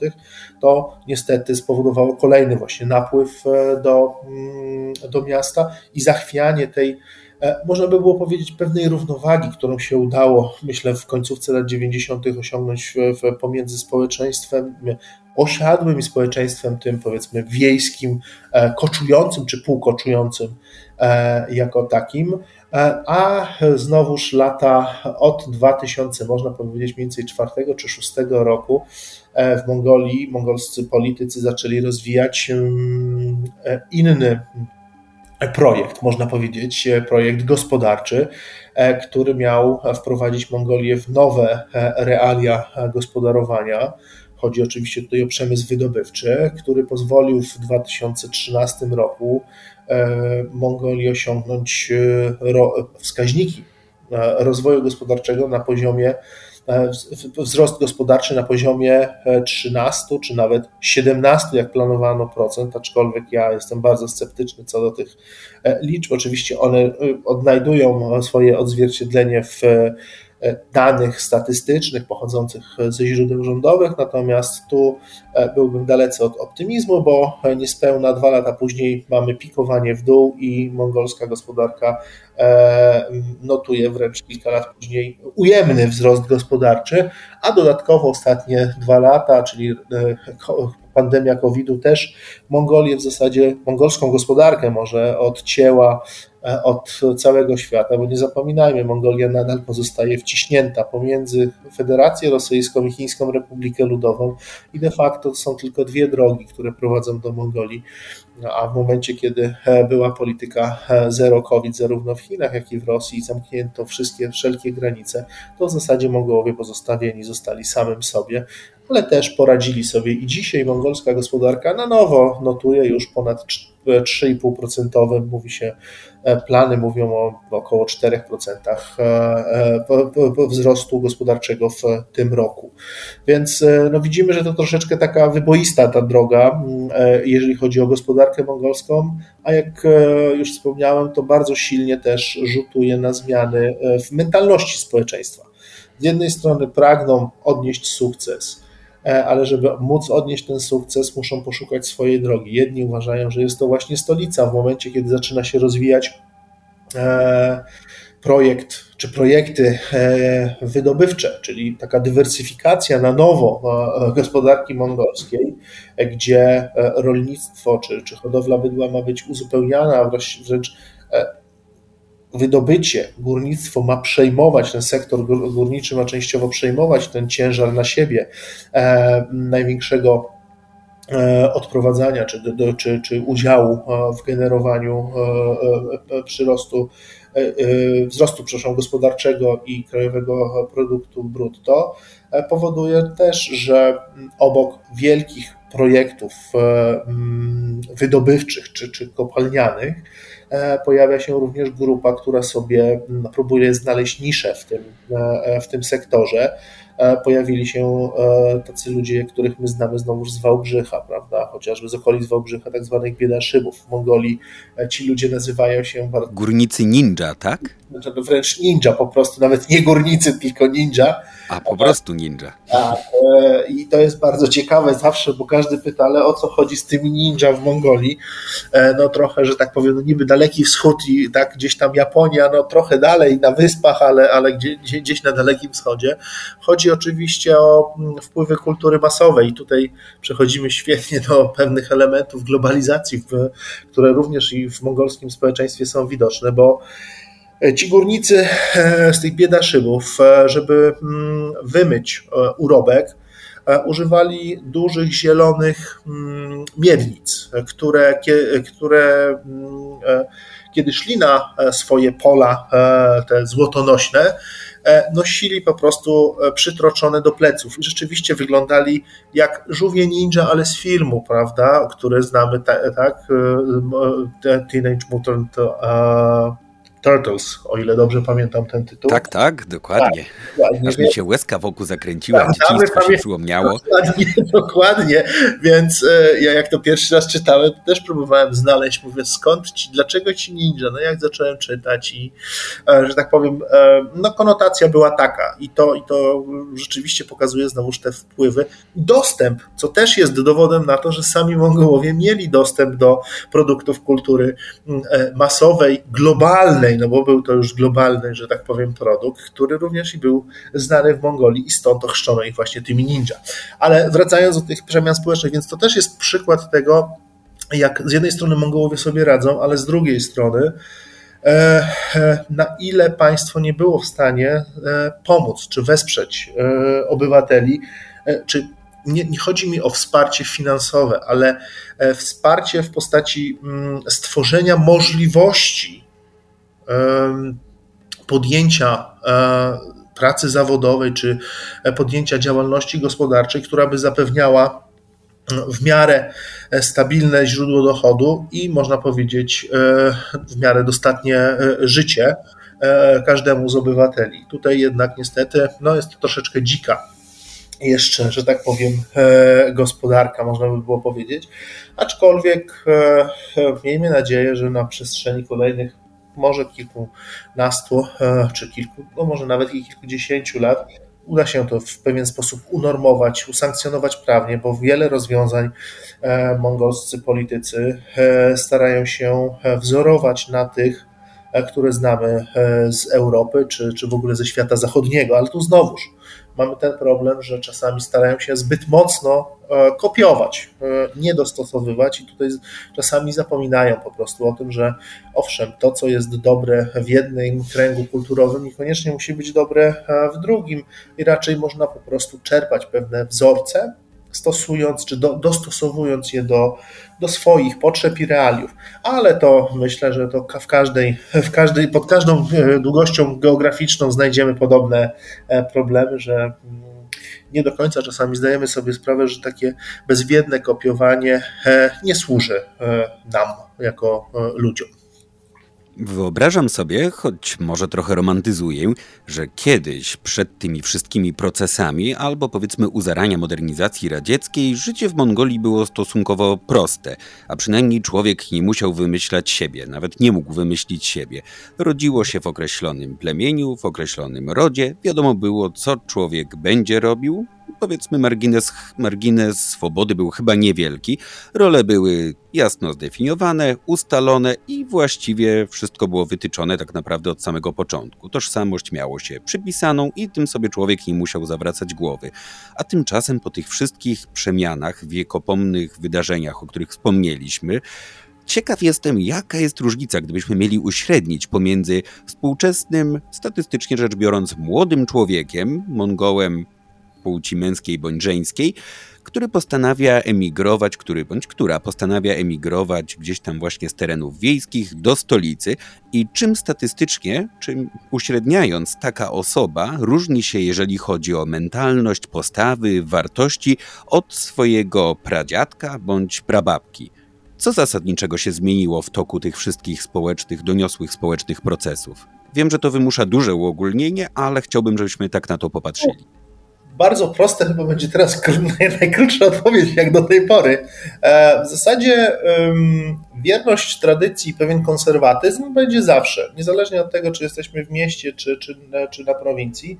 E, to Mongołowie będą się e, bardzo mocno utożsamiać z tym przywiązaniem, ze swoją mongolskością, jak to mówią. Oczywiście miasto generuje mm, więcej pewnej swobody i, i, i pokus pewnie też. Tak, i pokus tak, ale oczywiście społeczeństwo zawsze miejskie będzie postrzegane przez pryzmat tego społeczeństwa mm, bardziej bym powiedział mm, może tak, odwrotnie. Społeczeństwo na, na wsi, na prowincji będzie bardziej konserwatywne, natomiast to społeczeństwo rzeczywiście w mieście będzie bardziej liberalne. O. E, tak będą się postrzegać nawzajem te grupy. Natomiast jeżeli byśmy mieli tak e, porównać, e, to rzeczywiście tak. Początek XX wieku jeszcze to tak jak pan powiedział, życie w zasadzie było bardzo poukładane i było dość, no nie nazywajmy go sielankowym, ale było przewidywalne. Tak? Człowiek wiedział mniej więcej, gdzie jest jego miejsce, jak to będzie wyglądać i co jest mu mniej więcej pisane. E, natomiast dziś, 100 lat później, w zasadzie jesteśmy w takim miejscu, gdzie w zasadzie Mongol ma szereg, wachlarz możliwości, E, i musi sam dokonać tego wyboru. E, dawniej myślę, Nie ma że... wyboru, trzeba wybierać, prawda? Tak, e, tam, tam było tak, wtedy nie było tak. Dzisiaj, dzisiaj musi sam sobie, że tak powiem, zdecydować, co jest jego, uważa, że jest jego drogą. Sukcesu. I przepraszam, i też pewnie powolnorynkowemu oczywiście później ponieść odpowiedzialność swoich, o, powiedzmy, że swoich wyborów. Na tyle, na ile można te wybory nazwać swoimi, a na ile wynikają z różnych obiektywnie istniejących napięć, które co najwyżej należy pogodzić w swojej biografii indywidualnie. Tutaj już tak, tu się, tu się tak, zgadza, oczywiście, to jest całe, to już jest e, podjęcie decyzji, wiąże się oczywiście też z ponoszeniem ewentualnych konsekwencji czy to pozytywnych, czy, czy negatywnych e, e, tej, tej podjętej konkretnej decyzji. Natomiast e, myślę, że pewna wolność, która jest w świadomości Mongołów, taka wolność podejmowania wyboru, bo z drugiej strony patrząc na, na takiego Mongoła sprzed 100 lat, on też miał pewien wybór, tak? Wiadomo, że miał może ograniczone pole mm, takiego pewnego manewru, e, co, bo, co mógł robić, no bo w zasadzie był zdefiniowany, był koczownikiem, prawda, no mógł próbować e, robić coś innego, ale czy chciałby? Myślę, że nie, po prostu nie był no tego świadomy. nie zostałby raperem w stolicy. No nie, nie, nie, właśnie tak, nie, nie był tego świadomy właściwie, że mógłby coś takiego, a tutaj myślę, że też kwestia poszerzenia świadomości, tak, to jest ten element, który dziś E, e, młodym Mongołom pozwala właśnie na to, żeby podejmować te wybory, jak mówię, z całą oczywiście też z całym bagażem późniejszych e, konsekwencji ewentualnych. Więc no, może taka właśnie byłaby różnica. Dawniej nie było wyboru, teraz jest wybór. O, tak bym porównał, że tak powiem, co ze sobą zrobić, albo jak się zdefiniować, mm, jeżeli chodzi o, o takiego młodego członka społeczeństwa mongolskiego. Tak, i tak jak wszędzie zresztą, tylko powiedzmy różnie to się rozkłada, bo różne etapy ewolucji gospodarczej, społeczno-gospodarczej różne kraje akurat przechodzą, ale tak jak w większości przypadków, pod większością szerokości geograficznych, trzeba niestety nieść to brzemię i odpowiadać za bardzo wiele rzeczy w dynamicznie zmieniającej się rzeczywistości. Ale ciekaw jestem, czy te przemiany, które można obserwować w mieście, rzeczywiście były bardzo, no może nie dramatyczne, bo to by sugerowało wartościowanie, ale to były i są przemiany, które bardzo zmieniły tradycyjne mongolskie społeczeństwo? Bo domyślam się, tutaj może doprecyzuję, że pewnie też jak to w większości miejsc, w momencie, gdy pojawiły się możliwości, kobiety stały się dużo bardziej mobilne, ruszyły do miast, zaczęły podejmować pracę, zindywidualizowały się, osiągnęły powiedzmy pewną dozę emancypacji, więc też zapewne większość z nich nie bardzo miała, miała ochotę wracać do swojej wsi i szukać męża pośród wiejskich chłopców z całym szacunkiem, którzy no, nic dotąd nie zrobili ze swoim życiem i tak sobie trwają. To pewnie jak jak znam realia, powoduje frustrację pewnej części męskiej populacji, która ma problem z doszusowaniem do tego, co osiągnęły kobiety. No ale dobrze, bo ja tutaj tak opowiadam różne scenariusze, a jak pod tym względem prezentuje się Mongolia, współczesna Mongolia? Znaczy tak, e, trzeba powiedzieć, że na tle e, Mongołki, na tle innych e, kobiet, może kobiet w innych kulturach azjatyckich, tego, czy tego obszaru, zawsze były bardziej wyemancypowane, abym powiedział, były wręcz, miały równe prawa, czy cieszyły się równymi prawami jak mężczyźni poczynając od najdawniejszych czasów, czyli od tego, od czego zaczęliśmy i początków państwa mongolskiego, czyli średniowiecza czy XIII wieku, kiedy to mieliśmy również i regentki, a więc panie, które rządziły. Mamy kilka kobiet w życiu samego Chingishana, które odegrały bardzo istotną rolę, wręcz wpływały na jego decyzje. Pomijam tu oczywiście matkę, ale jego pierwsza żona Byrte też była postacią, której się wręcz słuchał, a czasami może nawet bał, byśmy mogli powiedzieć. E, a teraz rzeczywiście, idąc już rzeczywiście do czasów współczesnych, mm, myślę, że e, młode e, Mongołki są bardzo, ale to bardzo wyemancypowane, bym powiedział, tak, w ten, w ten sposób, stąd to mają tę świadomość swojej wartości, wiedzą i starają się zdobyć jak najlepszą edukację E, próbują z wielkimi sukcesami e, swoich sił w prowadzeniu e, biznesów i odnoszą wielkie sukcesy. Mamy kilka oczywiście pań polityczek, które też aktywnie działają. Mieliśmy nawet kandydatkę w, sprzed trzech, tak, sprzed trzy, trzy E, trzy, mm, tak, trzy kadencje temu była, była również wśród kandydatów jedna kandydatka e, na prezydenta Mongolii. To świadczy o. Miała, przepraszam, realne szanse? E, tak, ona, za nią zresztą stała mongolska partia ludowo-rewolucyjna, czyli ta postkomunistyczna, byśmy dziś powiedzieli. Miała natomiast, no, byli jednak bardziej charyzmatyczni dwaj kandydaci, którzy ją pokonali aczkolwiek też tu kwestie i polityczne, i troszeczkę zmęczenie e, polity, polityką, prowadzeniem politykami właśnie tej partii, z której ona e, została mm, nominowana, też miało swój pewien e, wpływ. Natomiast należy zaznaczyć, że jednak była taka sytuacja, a jeżeli spojrzymy na państwa regionu, to nie w każdym, że tak powiem, takie były e, i są możliwości. Oczywiście, czego by nie mówić o, mongolskim, e, o mongolskiej emancypacji kobiet, trzeba też powiedzieć, że mongolskie społeczeństwo jest bardzo silnie patriarchalne. Tak? Te tradycje patriarchatu są mocno zakorzenione w świadomości nie tylko męskiej części społeczeństwa, o której tutaj Pan też wspomniał, że czasami ci e, młodzi chłopcy mogą mieć pretensje, że te dziewczyny wyjeżdżają i gdzieś tam osiadają w mieście. I nie wracają. Chłopcy próbują być bardziej macho. Tak, oczywiście żartuję, ale nie, nie, nie, pan w czym rzecz. Że, że, że, że, to jest prawda, oni później mają pretensje, że one tu powinny, prawda, przecież powrócić i tak dalej. Pojawia się takie pewne napięcie, można by było powiedzieć, pomiędzy e, generacjami czy, czy społecznościami i tymi e, grupami społecznymi prowincji i miasta. E, ale jak powiedziałem, mongolskie kobiety czy młode dziewczyny są e, świadome swojego potencjału i go wykorzystują. Akurat to bardzo dobrze, bo to robi e, bardzo dobrze też mongolskiej i polityce, społeczeństwu i gospodarce, bo udaje się dzięki temu ją, że tak powiem, w jakiś, można by powiedzieć, w miarę spokojny sposób e, też rozwijać, bo panowie, jak wiemy, słyną, a szczególnie mongolscy mężczyźni, z dość gwałtownego i raptownego charakteru i tu nie mam na myśli oczywiście tylko bujek, czy, czy a jakieś e, wpadania e, w gniew, ale po prostu podejmowania decyzji dość raptownie, czy, czy a właśnie wręcz ociągając się, kobiety są bardziej zdroworozsądkowo patrzące na, na możliwości, oceniające te wszystkie realia, które mm, są związane z ewentualnym podjęciem jakiegoś ryzyka, więc e, e, tutaj na pewno są, e, można by powiedzieć, no, na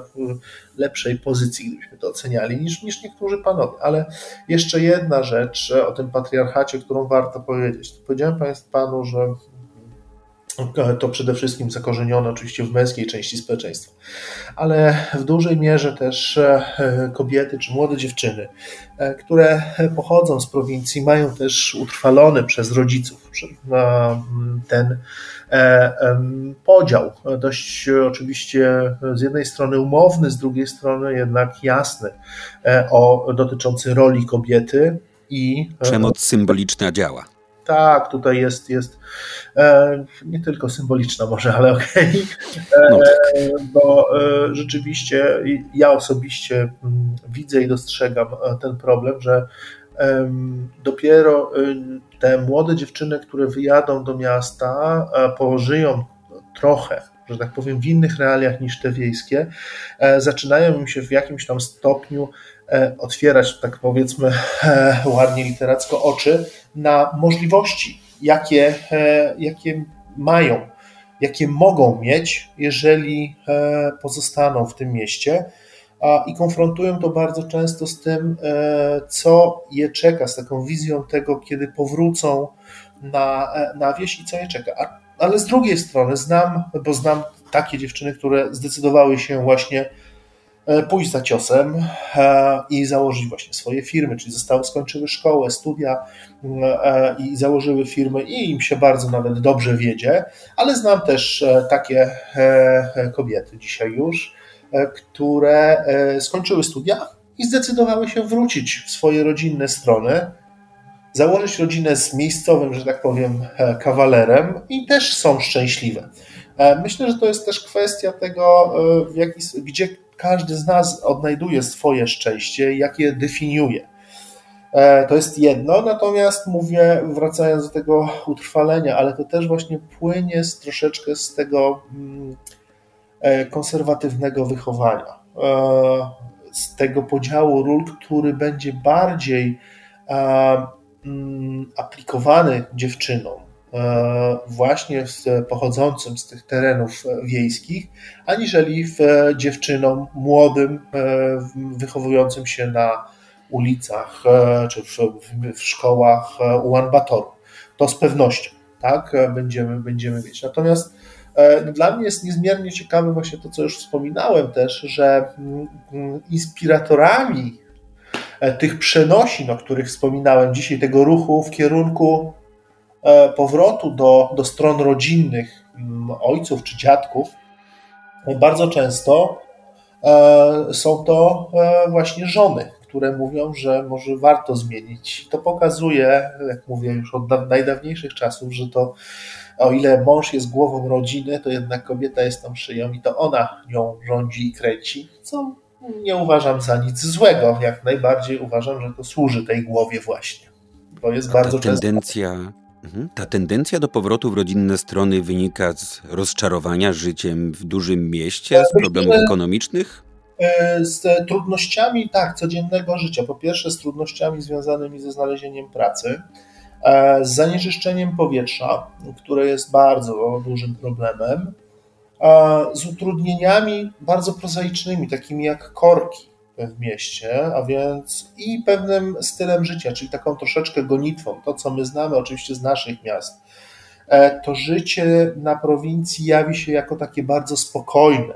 Tak? Ono ma oczywiście wiele trudnych aspektów, chociażby zapewnienie e, nie wiem, opału, żywności, prawda, no, wychowanie zwierząt, to wcale nie jest tak, że te zwierzęta same się będą pasać, trzeba o nie dbać, żeby przyrastało chociażby stado, żeby było co jeść. E, ale mm, z tych relacji, które znowuż ja, którymi ja dysponuję, ja mam osoby, które zdecydowały się na e, powrót, nazwijmy to, na, do tego pierwotnego sposobu gospodarowania i życia, e, są bardzo zadowolone. Nie znam na, na razie bynajmniej osoby, która by dokonała tego wyboru i zdecydowała jednak nie, wracam do miasta.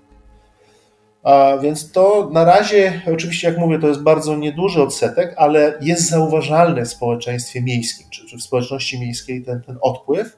Jak powiedziałem, to są głównie młodzi ludzie, którzy mówią o tym spokojniejszym aspekcie życia na prowincji. Nie łatwiejszym, bo to na pewno nie, spokojniejszym, czyli są gotowi ponosić większe trudy, trudy życia w zamian za pewien spokój i czyste powietrze. O, tak by należało to uzupełnić. A jak Mongołowie mieszkający w dużych miastach, czyli przede wszystkim stolicy, obecnie znajdują sobie partnerów i czy partner musi od razu oznaczać przyszłego męża lub żonę?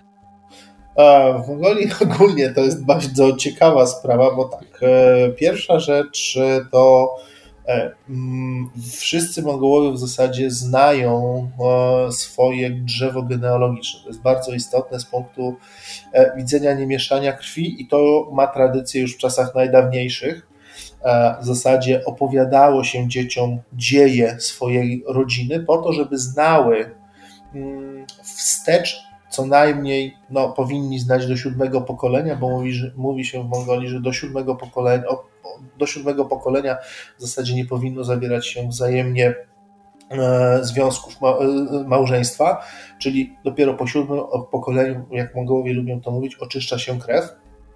E, więc ta świadomość z jednej strony jest w Mongołach, natomiast z drugiej strony poznawanie się i e, życie ze sobą, czy, czy, czy po prostu zawieranie związków, czy właściwie e, też, to też tradycja mongolska. Mężczyzna i kobieta, którzy zaczynają mieszkać po prostu ze sobą, są uznawani wręcz już za małżeństwo. Wcale nie jest im potrzebny żaden dokument w postaci aktu stanu cywilnego e, czy jakiejś ceremonii ślubu. Mm, chociaż oczywiście w latach 50.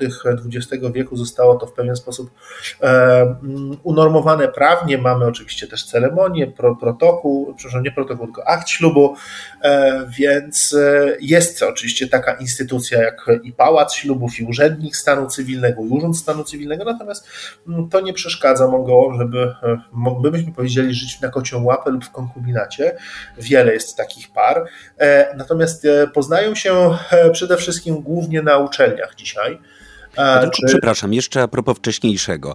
No tak. dobrze, niby nie trzeba żadnego certyfikatu, można być małżeństwem. Powiedział pan, że można być wtedy uważanymi za małżeństwo, ale jeżeli inni uważają nas za małżeństwo, a my chociaż mieszkamy razem, wcale nie uważamy się za małżeństwo.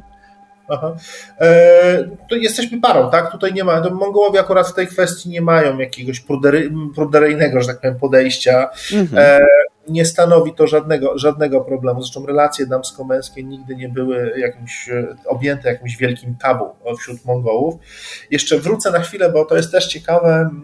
W Mongolii w zasadzie od dawien dawna można było e, sobie żonę, że tak powiem, na dwa sposoby zdobyć. Albo było to oczywiście pewien rodzaj mm, wykupienia jej w taki sposób, że rodzice pana młodego ofiarowali, prawda, e, jakieś dobra w zamian za tę żonę. Natomiast drugim sposobem, jeżeli mnie na to nie było stać, czy mojej rodziny nie było stać, można było sobie żonę porwać. I jeszcze do początku XX wieku e, takiego rodzaju e, porwania miały miejsce. Dzisiaj już tych porwań oczywiście nie ma, raczej się e, swata dzieci, jeżeli gdzieś tam im nie wychodzi, że tak powiem, i nie mogą się że tak powiem, poznać w jakiś sposób, czy, czy znaleźć sobie partnera, to rodzice czy znajomi bardzo bliscy, mm, e, którzy mają też, są uznani za dobrych swatów, bo to też jest bardzo istotna rzecz, mogą taką funkcję, czy też taką usługę świadczyć. Natomiast młodzi ludzie, jak powiedziałem, oni się poznają, mogą ze sobą żyć. Nie będzie to w świetle prawa uznawane oczywiście za małżeństwo,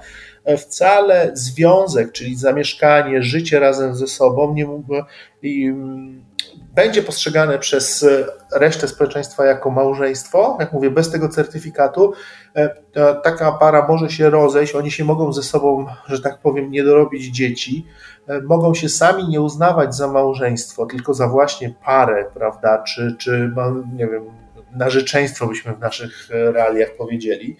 E, natomiast dla społeczeństwa mongolskiego to i tak, i tak, dla tej szczególnie starszej społeczności, części społeczeństwa będą uważani za ten, o w tym okresie, w którym razem ze sobą żyli, e, będą uważani za, za, za rodzinę.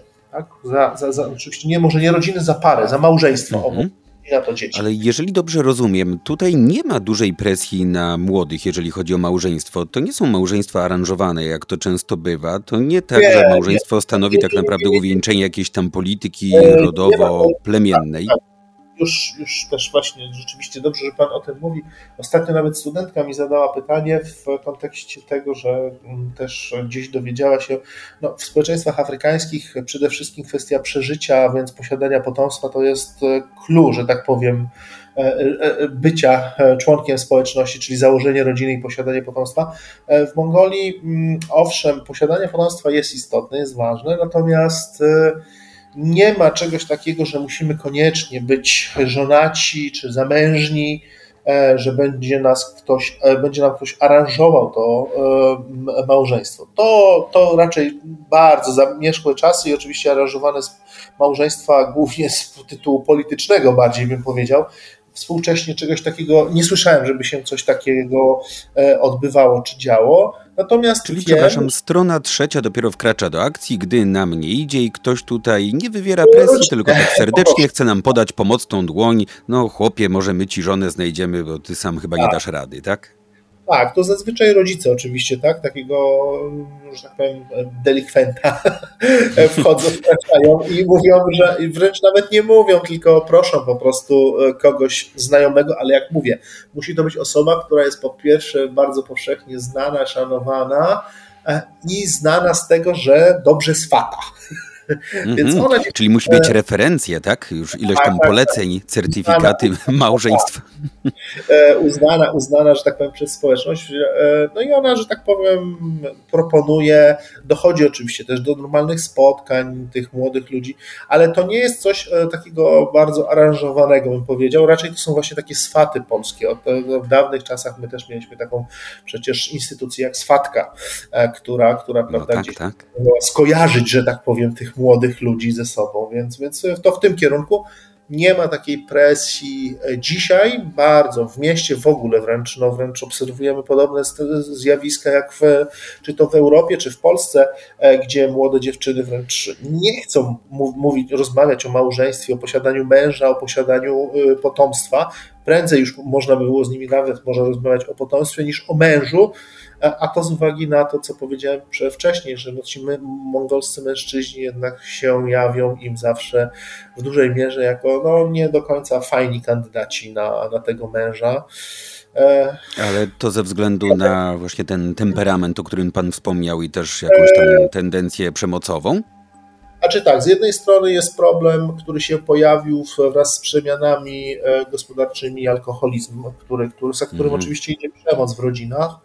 E, pewna też taka właśnie przekonanie mongolskich, nawet tych młodych e, mężczyzn o tym, że no to oni są właśnie tą głową rodu, a kobieta tutaj, prawda, no jest e, też tą oczywiście partnerką, ale no ten patriarchalny gdzieś tam, że tak powiem, światopogląd w ich głowach i stąd wiele mongolskich kobiet mówi wprost, że mongolscy mężczyźni no, nie są atrakcyjni dla nich pod względem tego, co mogą im zapewnić. Tak? Ja nie mówię tu o intelektualnym czy, czy o fizycznym wyglądzie, tylko właśnie o takich bardziej, bym powiedział, no, rodzinnych, rodzinno-społecznych kwestiach. No w momencie, gdy kobiety się wyemancypowały, poświęciły wiele, zdobyły wykształcenie, osiągnęły coś, zdobyły pozycję społeczną, mają ambicje, no to trudno się dziwić, że nie bardzo mają ochotę spędzać życie z kimś, kto nie będzie respektował ich podmiotowości i będzie po prostu chciał sprawować władzę samca tak. alfa w rodzinie. No, to, no, no, właśnie tu jest ten, ten największy problem, tak? ten brak tego zrozumienia czasami, chociaż jak mówię, młode pokolenie Mongołów, młode, czyli takie dzisiaj 20-25+, plus, ono już jest całkiem e, inne, jeżeli chodzi o mentalność, e, swoją mentalność, aniżeli społeczeństwo, czy, przepraszam, grupa społeczna, e, powiedzmy 45. Plus. To, to widać tę różnicę pokoleniową myślenia. E, ci młodzi ludzie bardzo często mieli też możliwość, czy, czy to kontaktu, czy, czy wyjazdu za granicę.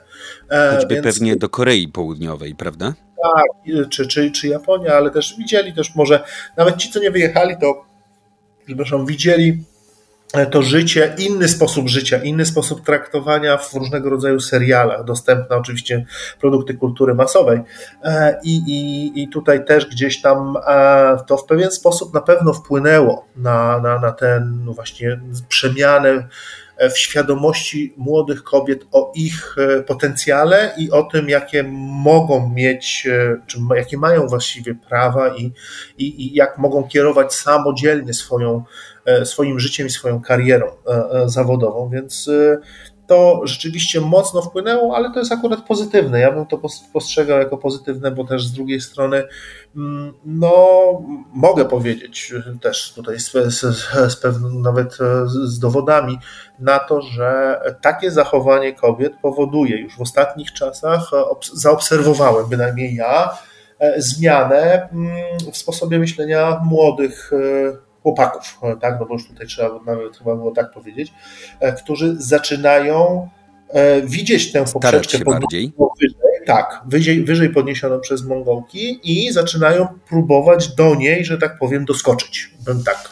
to powiedział. No, akurat nie obrazili dobre, no. się gremialnie, tylko próbują nie, jakoś doszusować. Nie, to budujące, nie, bo w wielu miejscach jednak możemy zaobserwować, że w takiej sytuacji chłopcy uciekają w różne swoje narracje, brunatne, jakieś rekonstrukcje historyczne, no i tym bardziej się oddalają od wyemancypowanych kobiet ale to, to mówię, to, to zawsze, e, znaczy nie można powiedzieć, że czegoś takiego też nie ma w Mongolii, natomiast to jest tak marginalne, natomiast no wiadomo, że marginalne rzeczy najbardziej przyciągają, interesują i są najbardziej, że tak powiem, chwytne, chwytne i krzykliwe, e, w związku z tym się gdzieś tam opisuje. I tak, oczywiście to jest też, są takie grupy, które mówią, prawda, że tu Mongołki się sprzedają, bo nie wiem, wyjeżdżają za granicę, wychodzą za mąż za cudzoziemców i tak dalej, a, e, a z drugiej strony oni sami nie chcą się w żaden sposób postarać. Tak? Uważają, że to już sam fakt, że są mongolskim mężczyzną, to już powinny ich predestynować do tego, że ta Mongołka powinna właściwie wokół nich skakać i po nich zabiegać. Tak? Ja akurat no nie oszukujmy się,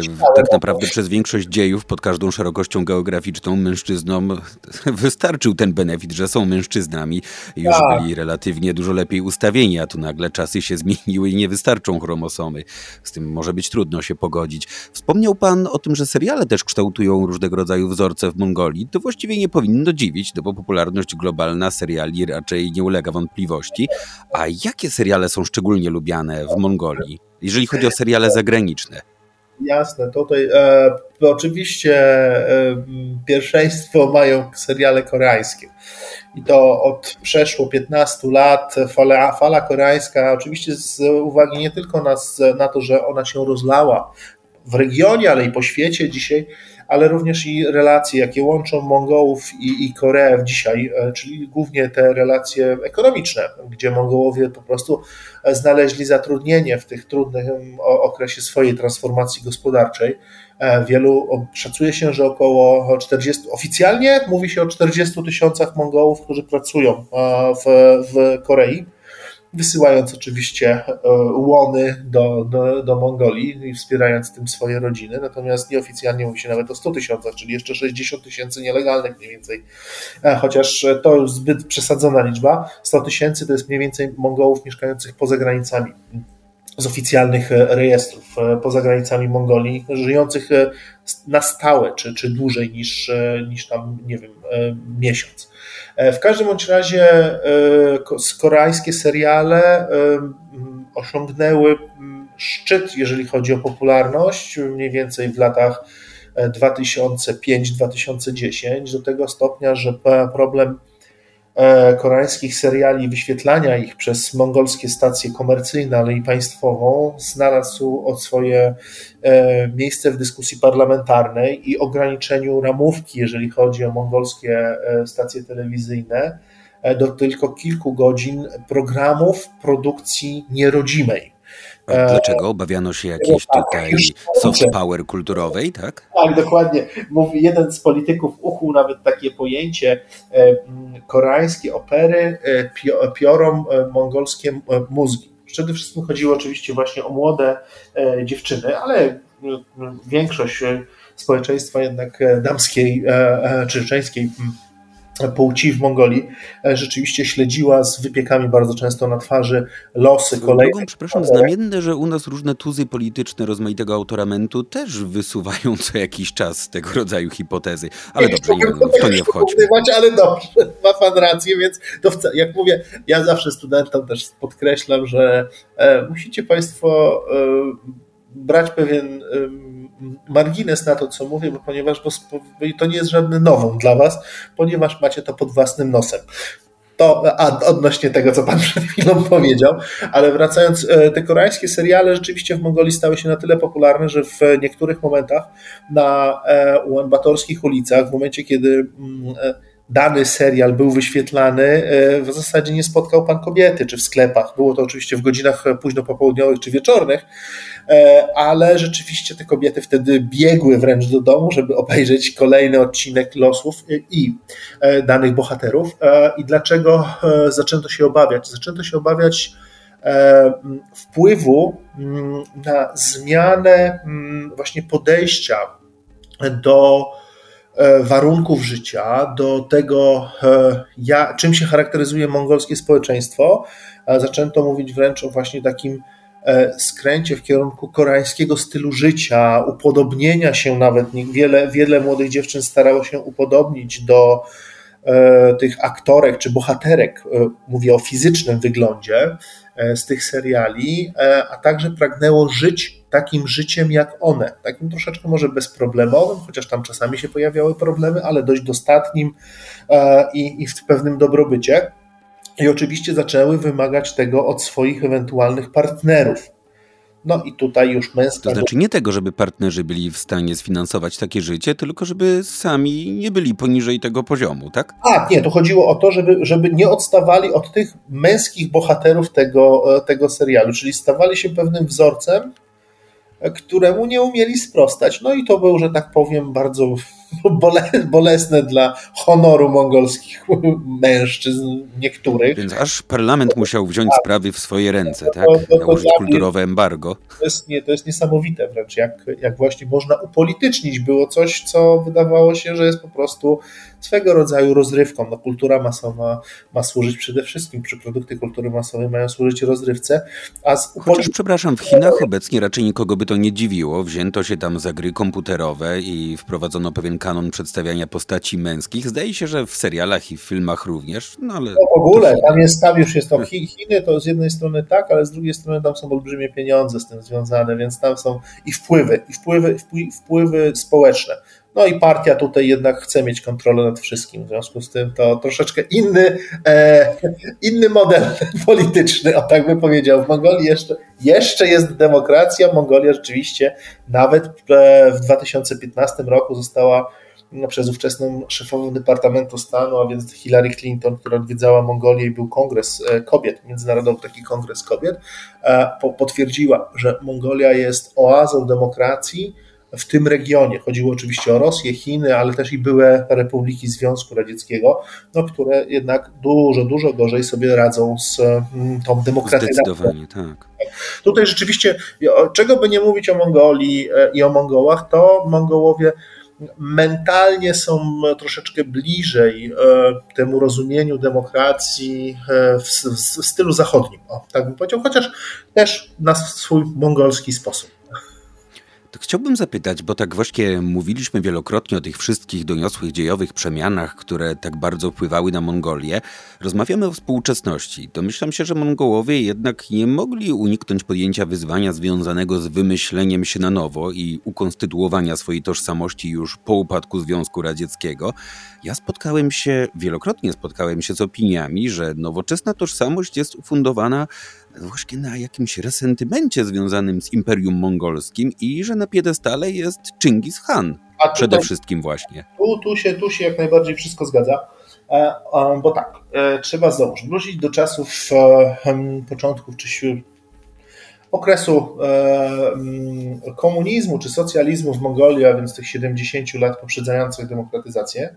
Wtedy, przepraszam, Chingis Hana, o ile wiem, tępiono z całą no, mocą. Zakazano wręcz, a nie tylko tępiono, zakazano wręcz kultu, bo oczywiście kult był cały czas jako tego, e, no, e, poniekąd założyciela tak, tej całej państwowości, czy twór, może nie założyciela, a twórcy państwowości mongolskiej, bo to też, a, i twórcy poniekąd też tożsamości mongolskiej, bo tu znowuż na chwilę od, popłynę trochę w stronę średniowiecza, e, trzeba powiedzieć, że mm, e, pojęcie tego, kim, kto był Mongołem w Imperium Mongolskim, każdy, kto uznawał władzę Hana, mógł być zaliczony do bycia Mongołem, bo taka była, taka była pierwotna e, idea e, tego państwa. Nie chodziło o to, czy, bo Chingis właśnie wtedy zdawał sobie sprawę, tworząc państwo, e, że nie do końca istotne jest pochodzenie, a istotne jest wkład, a więc umiejętności i rola danej osoby w społeczeństwie czy w społeczności.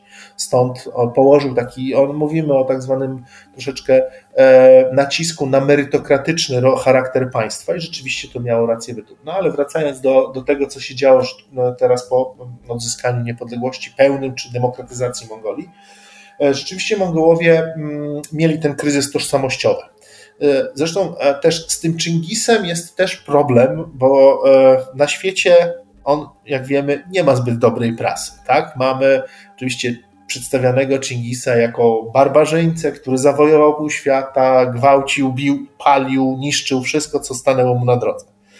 A dla Mongołów był to oczywiście ojciec, bohater narodowy i mit postaci, która stworzyła w ogóle Mongołów jako, jako takich. W związku z tym no jest tutaj pewien e, e, problem.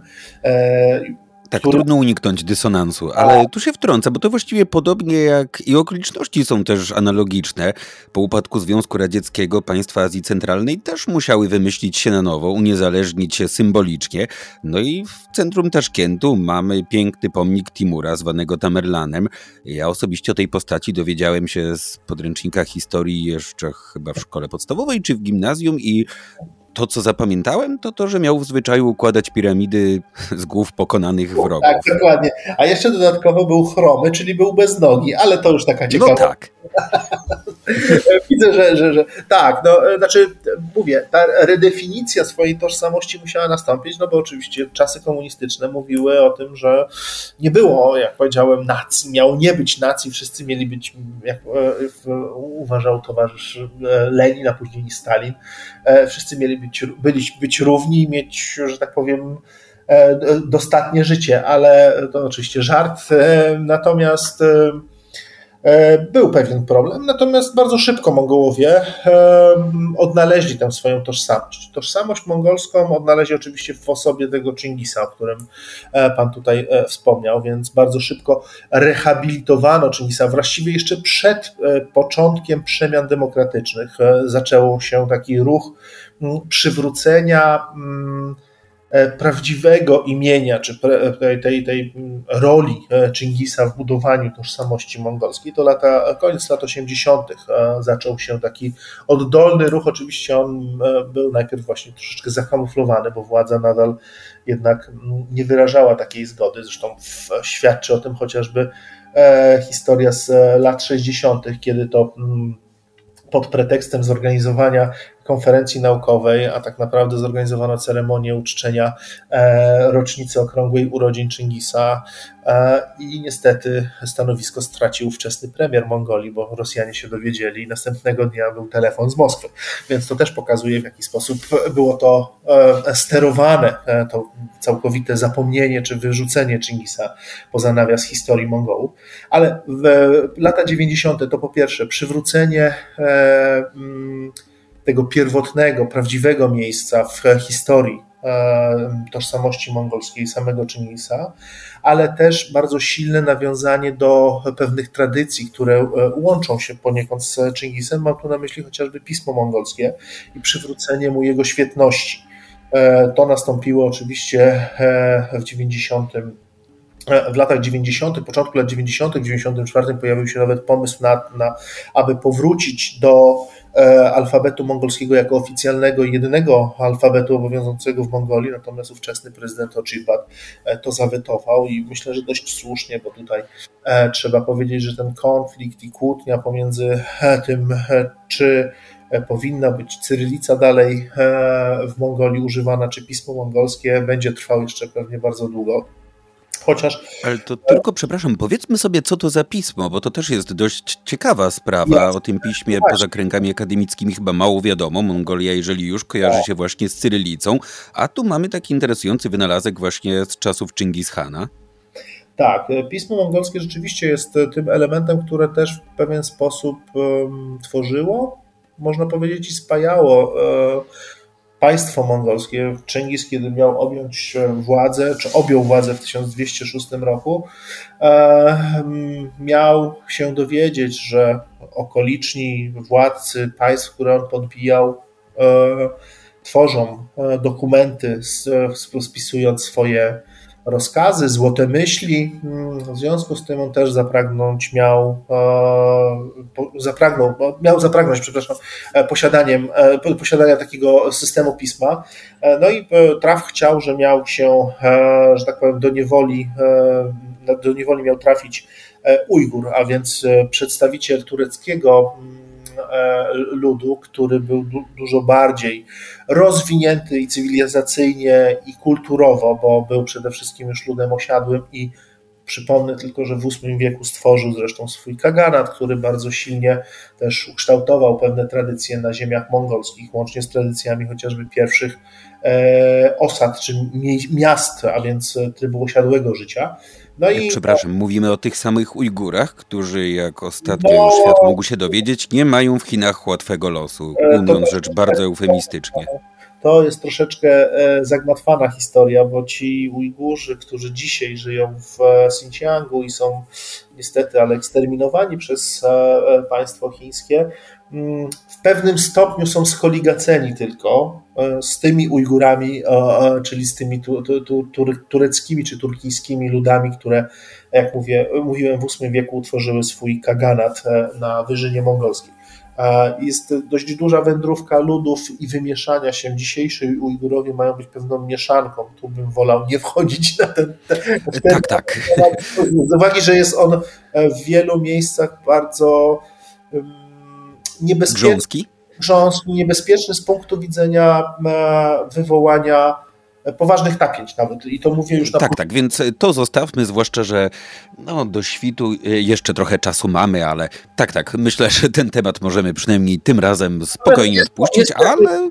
Jest to jak najbardziej opisane, oczywiście historycznie, natomiast no mówię, dla mnie nie jest problemem, natomiast budzi w samych Ujgurach, czy w osobach znowuż pochodzących z Kaszgarii, czy z Dżungarii, gdzie właśnie miały dochodzić do tego wymieszania się tych Ujgurów, o których ja wspomniałem, z ludnością lokalną i e, później przejście właśnie do Xinjiangu i dać, danie początku tym, tym Ujgurom, o których e, tutaj Pan e, zapytał, E, może czasami po prostu prowadzić do pewnego rodzaju, może sporu, bo to myślę, że dzisiaj sporu, natomiast jest to bardzo dobrze już udokumentowane i opisane e, historycznie, e, ale to zawsze będzie budziło, myślę, no, tak, tak, tego rodzaju mm, sentyment z jednej strony u jednych, a u drugich będzie gdzieś tam denerwować i, i, i powodować może no, stres i irytację. Ale wracając... No, w każdym razie, za sprawą tych lub innych Ujgurów, tak. tu już odsyłamy do źródeł historycznych, czy też po prostu do opracowań na ten temat, Mongołowie zyskali pismo za czasów Chingis Khana. Tak. I e, no, e, nomen no, właśnie tak się stało, że do niewoli trafił ujgurski mm, skryba, który miał być nadwornym czy sekretarzem, czy szefem kancelarii ujgurskiego mm, e, Hana. W związku z tym miał przy sobie mieć pieczęć. Chingis Khan miał tę pieczęć zobaczyć, miał się zapytać, co to jest. Ten mu odpowiedział, powiedział. No i nakazać miał mu, przepraszam, e, stworzenie takiego pisma. To pismo miało no, zostać stworzone na mm, właśnie podstawie pisma ujgurskiego. E, które też e, jest pismem e, zapożyczonym czy wzorowanym znowuż na pismie sogdyjskim, a pismo sogdyjskie znowuż jest wzorowane na piśmie aramejskim, a więc na blisko wschodnim i stamtąd tak naprawdę wywodzimy początek. Ale mongolskie pismo jest dość charakterystyczne, bo jest pismem przede wszystkim mm, wertykalnym, a więc pisanym od góry do dołu, od strony lewej do prawej. Ma litery, w zależności od tego, jak będziemy liczyć, będzie ich od 30 do 70, ponieważ e, większość. No to duża rozpiętość. Już tłumaczę dlaczego. Większość liter ma e, trzy warianty: wariant inicjalny, środkowy i finalny. Czasami. No jak w perskim i tak. arabskim. Znaczy, powiem tak, e, jak weźmiemy zapisany dokument pismem mongolskim i odwrócimy go, czy przewrócimy go o 90 stopni, to zaczniemy dostrzegać podobieństwo pisma perskiego i arabskiego. Będziemy znajdować w nim pewne odwzorowania liter e, perskich czy arabskich. Także tutaj ma Pan jak najbardziej słusznie e, rację, że, że, że tak by się to działo. Stąd właśnie ta rozpiętość, w zależności jak chcemy liczyć. Czy liczymy tylko, czy mamy e, jeden, jedną po prostu postać i tyle odpowiadającą, natomiast mamy trzy warianty, bo mamy, jak powiedziałem, inicjalną, czyli początkową, środkową i finalną. Czasami zdarza się, że nie mamy, nie wiem, początkowej albo końcowej, e, a czasami zdarza się, że mamy już w niektórych wypadkach też cztery, czyli jeszcze tak zwaną odrzuconą formę na końcu wyrazu. Mm, ale to nie jest aż tak e, istotne, natomiast to pismo jest dość barwne, ono przeszło swoją reformę E, w wieku XVI, e, końcu XVI, XVII, w zasadzie XVII wieku, kiedy wraz właśnie z upowszechnieniem buddyzmu pojawiła się potrzeba mm, wprowadzenia jeszcze dodatkowych znaków odpowiadającym e, dźwiękom pochodzącym z języków obcych, czy tybetańskiego, czy sanskrytu, na, na, na potrzeby tłumaczenia różnego rodzaju traktatów buddyjskich ale co ciekawe, samo pismo, my mówimy o tym, że posiada mm, bardzo ciekawy charakter, gdyż jest polifoniczne. No tutaj coś ktoś może powiedzieć, ale co polifonia ma do pisma? Jak to się gra?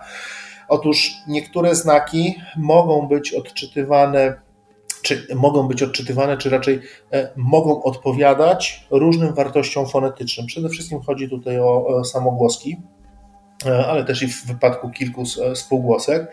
E, w związku z tym e, mówi się, że pismo miało być na tyle uniwersalne, że miało być e, zrozumiałe i dawało możliwość odczytania zgodnie z zasadami fonetyki danego plemienia czy ludu mongolskiego, który właśnie w XIII wieku znajdował się pod kuratelą samego Chingis-Hana, czyli de facto miało być takim uniwersalnym pismem pozwalającym zrozumieć każdemu, to, co Chingis miał dla, do przekazania. Niezależnie od tego, jaki miał system fonetyczny, czy, czy, czy różnice fonetyczne w stosunku do tego, jak Chingis to mm, wymawiał. E, więc to taka, myślę, ciekawostka. To pismo przetrwało, jak mówię, do, do początków XX wieku.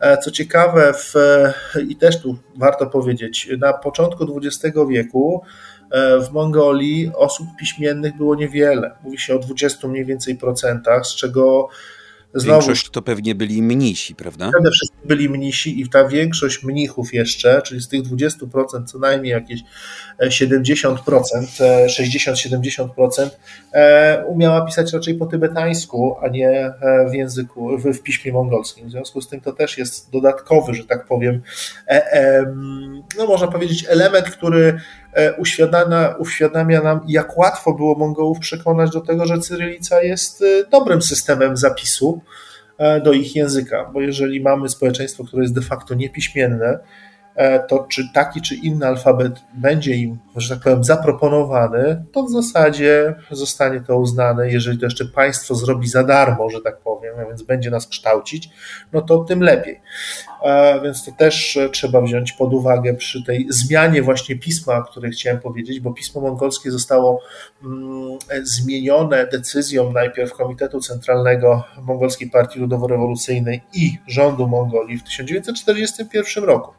I pierwotnie zdecydowano o zmianie pisma na e, łacinę. Było to oczywiście taki eksperyment, który dział się również między innymi e, we wszystkich republikach, e, byłych dzisiaj republikach, a dawnych Stanach, że tak powiem, czyli czy dzisiaj, dzisiaj Stanach, a dawnych republikach sowieckich w Azji Sowiet Stanach. Tak, Sowiet w Stanach dokładnie, czy też na Syberii, e, bo to tak towarzysze, że tak powiem, z radzieccy po prostu implikowali, próbowali, takie eksperymenty robili, więc w Mongolii łacina ostała się jeden miesiąc i później została jednak wymieniona na cyrylicę, więc obowiązywała jako oficjalny alfabet tylko przez miesiąc, ale ruszyły pełną parą maszyny drukarskie i sporo podręczników zostało wydrukowane. My mamy również u nas w naszych zbiorach właśnie takie historyczne e, publikacje na, na, na mongolistyce na Uniwersytecie Warszawskim. Mm, natomiast dopiero tak naprawdę e, nowego alfabetu zaczęto uczyć w 1946 roku, kiedy rzeczywiście pojawił się obowiązek szkolny e, i podstawy, podstawowa edukacja. Mm, I pokazuje też ten dobry aspekt, o którym mówiłem, że jest mnóstwo złego i trzeba piętnować okres socjalistyczny czy komunistyczny w Mongolii, ale też i są te pozytywne strony. Jednym z nich jest właśnie ten dostęp do powszechnej edukacji. W ciągu mniej więcej 14 lat, bo w 1960 roku z mównicy e, ówczesny e, premier, nie, sekretarz, przepraszam, sekretarz, e, pierwszy sekretarz Mongolskiej Partii Ludowo-Rewolucyjnej powiedział, że w Mongolii zniknął problem analfabetyzmu więc e, udało się e, też e, nauczyć czytać i pisać wszystkich w zasadzie obywateli Mongolii. Co ciekawe, w momencie, kiedy Mongolia zaczęła być demokratyzowana, pojawił się problem reanalfabetyzmu, ponieważ część rodziców chciała, w związku z tym, że pojawiły się te problemy ekonomiczne, o których mówiłem, chciała zostawić swoje dzieci zostawiała swoje dzieci w domu, mówiąc, że a to w domu się tutaj nauczycie u nas tylko liczyć i podpisywać, i to wam wystarczy, nie musicie wcale iść do szkoły, bo ktoś nam musi pomóc, e, że tak powiem, wypasać bydło i zarabiać e, na życie. Mm, więc pojawił się problem i z 5% e, poziom analfabetyzmu się pojawił w latach 90. wśród mongolskich dzieci. Więc to był, to był poważny problem też. Ale wracając do pisma, bo od tego wyszliśmy, od 1946 roku, w związku z tym cyrylica jest oficjalnym pismem, systemem pisma w Mongolii i obowiązuje e, do dziś dnia, chociaż pismo mongolskie, jak mówiłem, odzyskuje swoją, mm, swoją rolę i funkcję. I naucza się go w szkołach, z tego co wiem nawet, prawda? Jest, jest program, są już dzisiaj już jest e, czwarty, dobrze mówię, czwarty program, tak, e, przywrócenia czy wdrażania, e, nie, przywrócenia pisma mongolskiego wśród Mongołów. W 2025 roku wszystkie dokumenty administracyjne mają być pisane w dwóch alfabetach. To oczywiście jest nie lada wyzwanie i dla pracowników. To ambitny plan, rzeczywiście. Rzeczywiście to jest realizowane. Dzisiaj akty urodzenia, akty ślubu e, i prawo, prawo jazdy bodajże oraz dowód osobisty ma już, że tak powiem, dualizm jest tych dokumentów, e, więc można to, to rzeczywiście zobaczyć. E, w szkołach jak najbardziej jest to nauczane. Natomiast, żeby jeszcze e, powiedzieć, jak fajnie, fajnie, w cudzysłowie oczywiście, e, władza komunistyczna e, walczyła z pismem mongolskim, to w momencie, kiedy wprowadzono cyrylicę, nazwano czy dano przydomek pismu mongolskiemu jako stary mongolski. Staromongolski, tłumacząc, że oczywiście jest to stary alfabet, który nie jest nam potrzebny, mamy nowy i Mongolia wkracza na drogę prawda, zmian, przemian, industrializacji, więc wszystko to, co nowe jest wspaniałe i dobre, co stare jest złe i feudalne, z poprzednim okresem się ma kojarzyć, no więc dano mu przydomek stary. No i ja też byłem jeszcze uczony, że tak powiem, że jest to pismo staromongolskie. Nie jest to pismo staromongolskie, jest to pismo mongolskie po prostu. Ale co ciekawego, Mongołowie w Mongolii wewnętrznej, czyli dzisiaj w autonomicznym regionie e, Mongolii, e, zachowali E, zachowali pismo po dziś dzień, a jest ono używane jako alfabet, jako jedyny i e, było niejednokrotnie już przedmiotem sporów pomiędzy Mongołami z północy a Mongołami z południa o to, kto zachował bardziej swoją tożsamość mongolską, właśnie zachowając to pismo, więc e, to też taki ciekawy przyczynek czasami do dyskusji.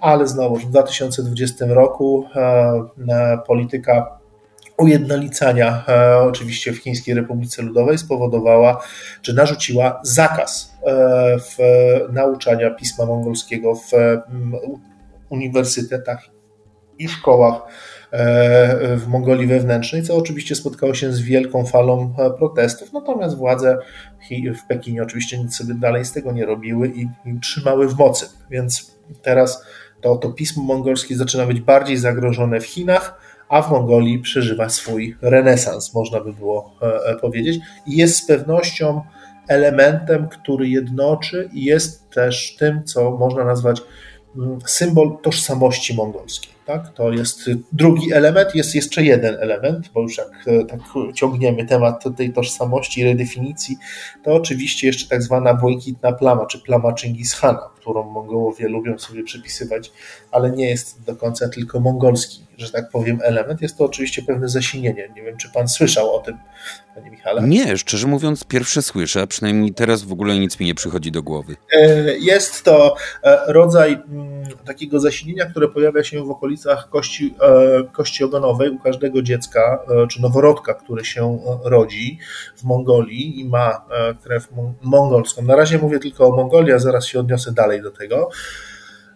I utrzymuje się mniej więcej do trzeciego, czasami piątego roku życia.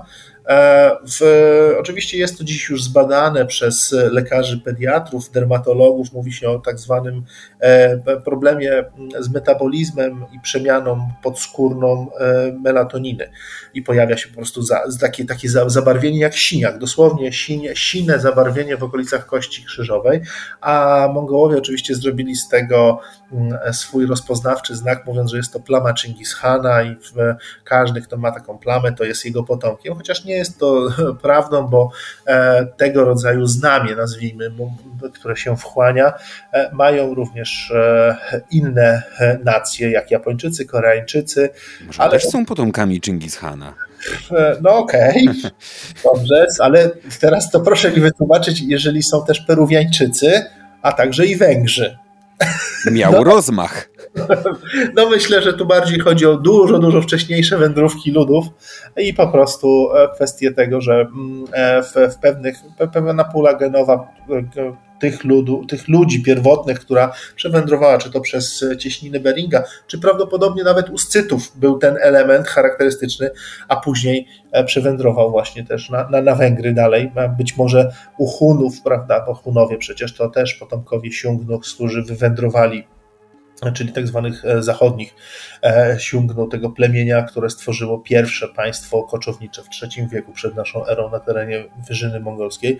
E, tu jest naprawdę wiele teorii, ale to nie jest tylko mongolskie, natomiast Mongołowie utożsamiają się właśnie też z tym znakiem jako takim, więc to jest ten trzeci element tożsamości Mongołów jako takich. Myślę, że to są te, te trzy takie elementy. Chingis, pismo, plama Chingisa to są te elementy, które charakteryzują dzisiaj tę mongolskość jako taką. No i oczywiście język, prawda, mongolski, który jest dla Mongołów bardzo ważnym. Mówią wręcz, jeżeli języka przestanie się używać, to przestanie istnieć e, naród jako taki. Jest też takie powiedzenie, mm, tak parafrazując to powiedzenie po mongolsku. To jeszcze na koniec chciałbym, żebyśmy powiedzieli parę słów na temat religii. Wcześniej wspomniał Pan, że buddyzm przeżywa aktualnie w Mongolii renesans i jeżeli dobrze rozumiem, to jest właśnie związane z tym, że Mongołowie musieli wymyślić sobie tożsamość na nowo i odwołali się do czegoś, co wcześniej było z całą zaciekłością tępione. To, e, to mm, ja bym powiedział tak. Yy jak powiedziałem, buddyzm e, wrósł w, mongo, w, w mongolską kulturę na, przez te na kilkaset lat od e, końcówki XVI wieku i stał się rzeczywiście, można by powiedzieć, religią narodową, rodzimą, tak to można by było powiedzieć, czyli stał się elementem kultury mongolskiej. Zawdzięczamy mu olbrzymi rozwój intelektualny i, i społeczny, kulturalny, religijny i polityczny również w Mongolii. Tutaj e, nikt nie, nie może temu zaprzeczyć czasy i okres komunizmu i, i, i, e, socjalizmu, czy socjalizmu i komunizmu w takiej kolejności w Mongolii, to oczywiście całkowite wyrugowanie i całkowite wyjałowienie, ja lubię tego słowa używać, wyjałowienie światopoglądowe Mongołów, bo tak jak mówiliśmy wcześniej na wstępie, e, nie tylko e, buddyzm, ale i szamanizm, ta pierwotna religia Mongołów też była, nawet wtedy, kiedy była marginalna, też była tępiona. A więc wyjałowienie całkowite e, wśród Mongołów e, mm, siłą rzeczy w momencie, kiedy mm, odzyskano niepodległość, zaczęto budować gospodarkę wolnorynkową, demokrację, Mongołowie poszukując tej swojej tożsamości, z jednej strony narodowej, tak to nazwijmy, ale z drugiej też tej światopoglądowej, religijnej, musieli się odwołać do e, dokonań przodków. Na szczęście nie wszystkich tych lamów czy, czy duchownych, którzy e, żyli w latach 30., 40., e, komuniści eksterminowali. Pewna część została zeświadczona, jak powiedziałem, w związku z tym mogli oni potajemnie przekazywać i były, są dowody i świadectwa na to, że były praktyki religijne, tylko że były potajemne, bo za nie groziła rzeczywiście e, surowa kara, łącznie jeszcze w latach 40. i do, do, do początku 50. wręcz z karą śmierci. E, później już troszeczkę e, było to lżej. Natomiast mieli styczność, niektórzy, e, czy to z dziadkami, czy z przekazem już rodziców, może dziadkowie prawda, praktykowali, więc też był ten, ta linia przekazu gdzieś była utrzymana. E, w związku z tym bardzo łatwo im się udało odwołać do tego, mm, do tej tradycji buddyjskiej. Ten buddyzm oczywiście został można powiedzieć, e, reaktywowany. Podobnie zresztą stało się z szamanizmem. E, Właśnie o to chciałem zapytać też, tak, tak. Dobra, to jeszcze to do szamanizmu to zaraz. Jeszcze, żeby powiedzieć, żeby jeszcze bardziej namieszać, to o ile, owszem, większość Mongołów zdecydowała, że no, ta religia buddyjska, czyli najbliższych przodków, tak, czyli dziadków, pradziadków, jest im najbliższa i chcą w niej, że tak powiem, E, widzą w niej sens e, swojego jakiegoś istnienia światopoglądowego. E, w związku z tym opowiedziała się za buddyzmem, zaczęto wznosić czy odbudowywać raczej świątynie buddyjskie, zaczęli mnisi wracać do tych świątyń, więc też społeczności fundowały czy to odbudowę klasztoru, czy, czy posągi, czy stupy, budowanie stóp buddyjskich i, i, innych elementów sakralnych, budowli sakralnych. Z drugiej strony mm, też pewna nisza, szczególnie w młodym społeczeństwie, które no, siłą rzeczy trzy pokolenia w zasadzie było oderwane całkowicie od jakiegokolwiek światopoglądu religijnego. W związku z tym młoda część społeczeństwa była bardzo podatna na różne wpływy. Tutaj od razu trzeba też e, powiedzieć, że wtedy do Mongolii napłynęły również inne nurty religijne czy światopoglądy. Mam tu na myśli chociażby różnego rodzaju sekty e, chrześcijańskie, w tym sektę mormońską, która odnalazła swoje miejsce w, w Mongolii i na tyle zdobyła... Ale to chyba podobnie, przepraszam, jak w Korei Południowej, która ma, z tego co wiem, no bardzo ale Korea... duże tradycje, jeżeli chodzi o rozmaite ruchy religijne. Ale Korea Południowa bardziej chyba w, z tego co ja wiem i się orientuję, to w kierunku protestanckich ruchów. Mm, I ten kościół koreański również za sprawą właśnie tych wspomnianych Mongołów przy, przybył do, do Mongolii, ale on jest marginalny e, w niedużym stopniu. Natomiast niesamowitą karierę, nazwijmy to tak, zrobił właśnie Kościół e, mormoński, który bardzo szybko zyskał rzeszę młodych wiernych i mm, zaczął e, przez takie pączkowanie rozrastać się, stworzył swoją sieć swoich zborów właściwie w każdym E, zakątku Mongolii. Można powiedzieć, że dzisiaj byśmy mogli spotkać e, zarówno członków społeczności, jak i sam ośrodek kultu religijnego e, mm, e wyznawców tej, tego. Taką zawrotną karierę Mormoni zrobili w Mongolii, naprawdę? Proszę mi uwierzyć, że tak. Oferowali w tym trudnym okresie lat 90.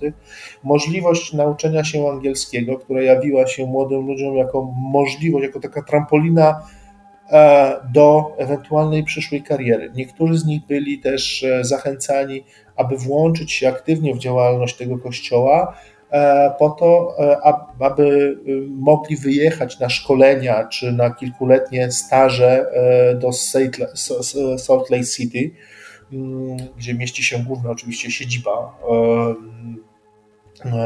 Mormonów i E, i tam jeszcze odbyć szkolenia i nauki i oni powracali później do Mongolii, szerząc tę religię jako tacy, no można powiedzieć, mm, orędownicy kaznodzieje? i kaznodzieje tak, tej, tej religii, a, społeczeństwo było bardzo podatne. E, na, na, na, ten przekaz, jak mówię, poszukiwało swojej tożsamości, aczkolwiek wiele osób, i tu wychodzi synkretyzm znowuż mongolski, podejście bardzo elastyczne, e, w zasadzie było i buddystami i określało się jako, e, że tak powiem, właśnie chrześcijanie, bo tak się ogólnie przyjęło mówić na, na jakikolwiek kościół chrześcijański w Mongolii, którego, którego, którego przedstawicielem by nie być, to jest się po prostu chrześcijaninem. Już bez zbędnego niuansowania i zawracania sobie głowy szczegółami, tak? Tak, tak no, w zasadzie no, to, to i tak Jezus Chrystus, tak? Więc co to za problem, tak? No, bo, bo, bo to chrześcijanie to chrześcijanie, tak? I tyle. E, oczywiście są, e, jest i Kościół katolicki, jest i, i Kościół prawosławny w Mongolii, ale to są w znikomej, że tak powiem, liczbie e, wyznawców e, kościoły. E, natomiast, no mówię, Mormoni zrobili zawrotną karierę. Tak, przepraszam, że tak znowu kolokwialnie trochę, ale to tak należałoby nazwać, bo ten kościół zyskał olbrzymią popularność i dużą rzeszę wiernych.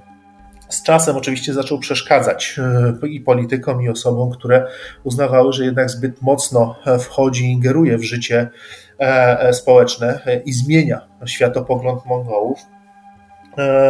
Zaczęto i została opracowana zresztą specjalna ustawa regulująca też relacje państwo-kościół, więc tutaj te uregulowania prawne były i są. E, ale e, wracając do tych e, mormonów, no i oni są, oni są widoczni, to widać w Ulaanbaatorze na pewno i na prowincji też da się to dostrzec, że widać te kościoły. Aczkolwiek w krajobrazie oczywiście dominuje jednak ten mm, element buddyjskiego kultu, a więc klasztory i stupy, a wracając jednak do szamanizmu, bo to jest bardzo ciekawe, w ostatnich latach Oczywiście wraz z momentem, kiedy Mongołowie zaczęli poszukiwać tej swojej na nowo, tej, tej, tej tożsamości światopoglądowej, czyli z początkiem lat 90., również i szamanizm zaczął być wymieniany jako ta rodzima religia i rzeczywiście pierwotna religia Chingis Hana, no bo do, te, do, do tego trzeba by było ją odnieść, bo Chingis pozostawał e, wierny e, swojej religii. Zresztą Chociaż jak trzeba było, to wojska mongolskie też nieźle udawały chrześcijan i wywieszały, o ile dobrze pamiętam, krzyże świętego Andrzeja, tak? Bo tutaj chodziło o nestorianizm. Tak, różne, różne, różne są historie, natomiast na pewno zarówno Chingis, jak i jego synowie mieli zakaz e, zmiany e, religii. To był zakaz zapisany nawet w Wielkiej Jasie, a więc w tym prawie e, państwowym. E, mm, więc e, używanie do celów e, militarnych i politycznych to jedno, natomiast w to, co E, gdzieś tam światopoglądowo wyznajemy, jest, jest, jest rzeczą, e, myślę, drugą i ważniejszą. E, ale wracając do, e, e, do szamanizmu, który, jak powiedziałem, był tą rodzimą religią rzeczywiście Mongołów, który szamanizm zwany jest również tengryzmem w Mongolii, dzisiaj przez badaczy wielu tengryzmem, z racji tego, że tengryzm, czyli Tengri, odpowiadać ma najwyższemu bóstwu, jakiemu oddawał hołd i cześć Chingis, a więc wielkiemu błękitnemu niebu. Na Bo które... to słowo, przepraszam, oznacza chyba literalnie tyle co niebo, tak? Tak, oznacza niebo jak najbardziej lub bóstwo więc kwestia tego, że zostało rozszerzone moim zdaniem e, pole semantyczne, czyli znaczenie tego od nieba przeszliśmy do po prostu bóstw jako takich, no bo skoro czcimy niebo, to ono jest bóstwem, stąd też nazwa tengryzm dla dzisiaj, dziś dla tej religii, którą mówimy wyznawać miał e, Chingis, chociaż ona była silnie zakorzeniona w tradycjach tych szamańskich, czy nawet animistycznych bym powiedział, bo czczono każdy element e, natury jako posiadający własne lokalne, wewnętrzne bóstwa. Czy to góra, czy to, la, czy to las, czy to drzewo, czy to kamień, czy to skała, czy ewentualnie rzeka.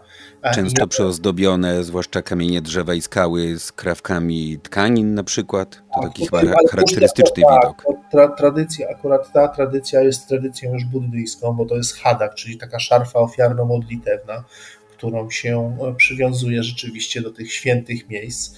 E, więc ten szamanizm zaczął również gdzieś tam w głowach Mongołów e, pączkować na nowo, jako, jako ta rodzima religia, oczywiście właśnie w odniesieniu do tożsamości już tej narodowej i Chingis Khana, o którym wspominaliśmy. No i pojawiły się wręcz e, możliwości mm, obudzenia w mm, człowieku takiego właśnie ducha szamańskiego, bo szamanem nie, nie można zostać, nie można się nauczyć być szamanem. Szamanem trzeba było być i po prostu odziedziczyć tego ducha w nowym wcieleniu ewentualnie, a więc ten duch mógł być w nas, tylko mógł być nieobudzony, trzeba były to pewne e, elementy fizyczności człowieka, pewnych dolegliwości, chociażby jak e, epilepsja, miały być uznawane za pewne ukazanie właśnie tego, że w nas drzemie ten potencjał e, tego dawnego szamana i tylko go trzeba odpowiednio ukierunkować i, i pobudzić. No i w latach 2000, e, nie chcę skłamać, 2006 Pomiędzy 2006 a 2000 mniej więcej 15 e, albo 12 pojawiło się wiele osób, które mm, oferowało za pieniądze możliwość obudzenia tego ducha szamańskiego w, e, w, w duszach czy w duchu, czy w ciele w zasadzie e, poszczególnych osób. Brali Bez względu na to, czy on tam jest, czy go nie ma, tak? Zapłacisz, to obudzimy. Dobrze rozumiem. Tak, to był dobry interes, tak, dobrze, jak najbardziej dobrze rozumiem. Natomiast to, to pokazuje też, mm, że ta świadomość jednak o tej pierwotnej religii była również żywa, tak, ona została, e, nie została całkowicie zatracona tylko odzyskała swoje miejsce. Dzisiaj mówi się mniej więcej około 10% e, osób, które określa się mianem mm, wyznawców szamanizmu czy, czy tengryzmu jako, jako takiego. A wracając jeszcze do tamtej informacji o mm, kościele mormońskim, mówi się, że około 30 nawet procent społeczeństwa mongolskiego miało styczność i mówi o, o sobie, że też gdzieś tam wyznaje tę e, religię chrześcijańską. Więc no to też jest dość spory, że tak powiem, odsetek, ale jak mówię, Mongołowie są bardzo elastyczni w tym względzie i nie przeszkadza im, że tak powiem, bycie zarówno buddystą czy szamanistą, a jednocześnie uczęszczać na przykład na takie e, e, spotkania czy, czy mm, różnego rodzaju ceremonie związane no, prawda, z obrzędkiem w, w tym kościele mormońskim, o którym wspomniałem. Więc tutaj E, to jest akurat e, też ten urok mongolskich e, koczowników, tak bym powiedział, ich kultury, ich podejścia i światopoglądu.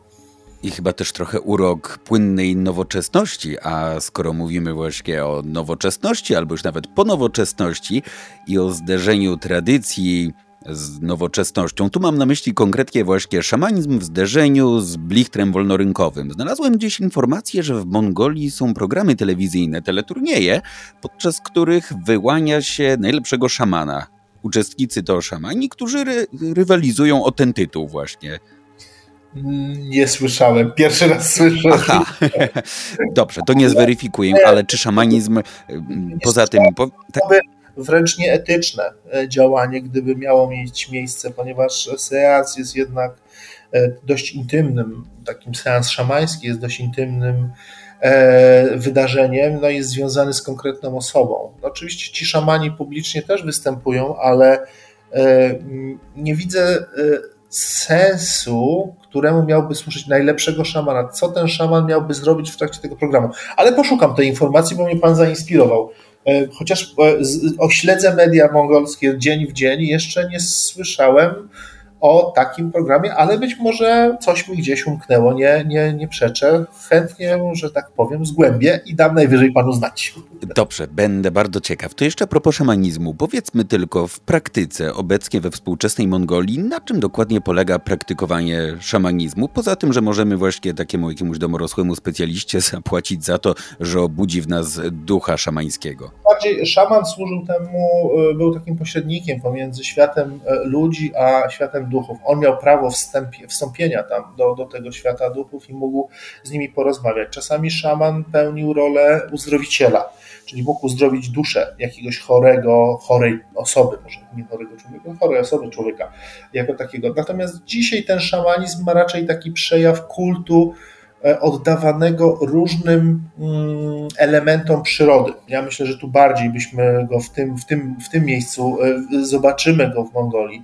Będziemy widzieć e, kopce zwane owo, czyli takie kopce usypane z kamieni na przełęczach, na rozstajach dróg, które powstały w związku z tym, że każdy podróżujący wkraczający na teren na którym dany duch regionu, danej doliny, danej góry E, funkcjonuje i, że tak powiem, rządzi, to żeby go obłaskawić, to należało najpierw przed wjazdem na jego terytorium e, przejść czy zatrzymać się wokół właśnie przy takim, e, takim rozstaju dróg czy przełęczy, trzykrotnie obejść to święte miejsce czy uświęcone miejsce, gdzie on mógłby ewentualnie, tak raczej takiego ołtarza byśmy mieli do czynienia raczej z ołtarzem niż miejscem, gdzie duch przebywał, bo on był na terenie powiedzmy całej doliny albo jakiegoś, nie wiem, elementów E, przyrody. Natomiast to miejsce było takim ołtarzem, gdzie oddawało się część, czyli przechodząc, otaczając trzykrotnie to miejsce e, zgodnie z ruchem słońca, dorzucało się kamień, ewentualnie można było złożyć różnego rodzaju ofiary z jedzenia czy alkoholu, właśnie w celu obłaskawienia duchów, a więc duchy lokalne raczej proszono o e, przychylność i łaskę dla siebie, dla bliskich, dla bydła. I tak też dziś dzieje się w tych regionach, które ja znam i które są szamańskie, że prosi się te bóstwa opiekuńcze lokalne o opiekę nad e, rodziną, bydłem. natomiast wielkie błękitne niebo zawsze jest nad wszystkimi Mongołami i dba o ich los jako taki, czy troszczy się o ich los. I w ten sposób te praktyki szamańskie, już, już kończę, ale jeszcze muszę to powiedzieć, bo to jest bardzo ciekawe. Proszę, proszę. Praktyki szamańskie, czy właśnie oddawanie czci i chociażby Świętej Górze, która, której oddawał cześć Chingis Khan, czyli Burhan Khaldun, czyli góra, przy której miał się urodzić nad Ononem, jest górą, która, której, która, której czczenie czy kult został wpisany w ustawę i obowiązuje mongolskich przywódców politycznych, czy przywódców państwa, może nie politycznych, ale no, politycznych i państwa. I raz do roku mają oni obowiązek w określonym czasie udać się i złożyć pokłon. Więc tu widzimy. Przy... Nawet, przepraszam, gdyby byli ortodoksyjnymi mormonami? Niestety musieliby to zrobić, bo jest to, jest to, jest to obowiązek jako przedstawiciela państwa tak? Czyli to jest symbol już, jest góra jest pewnym elementem tożsamości państwa. Tak samo jak mamy Buńczuki Chingis Khana, którym się oddaje hołd, no to w tym momencie e, osoba taka jak właśnie taki ortodoksyjny mormon nie powinien wręcz się przed nimi pokłaniać, nie powinien się kłaniać przed pomnikiem Chingis Khana to by nie przeszło w Mongolii. To szybko by stracił, znaczy zakończyłby szybko karierę polityczną, od razu powiem. Stąd myślę, pragmatyzm i synkret mongolski jest bardzo charakterystyczny i nawet gdyby dany polityk e, był e, wyznania, czy to chrześcijańskiego, czy innego niż, e, które by mu zabraniało, to raczej by się z tym nie do końca ujawnił w tego rodzaju ceremoniach. Czyli jednak utrzymywałby tę ciągłość tradycji związaną właśnie z e, kultem czy e, oddawaniem czci tym elementom, czy to państwowości mongolskiej, jak, jak powiedziałem o tych Buńczukach dziewięciu, które stoją w parlamencie, w budynku parlamentu mongolskiego, czy właśnie tym uświęconym miejscom, które są przypisane, już wpisane jako ustawowy obowiązek oddawania im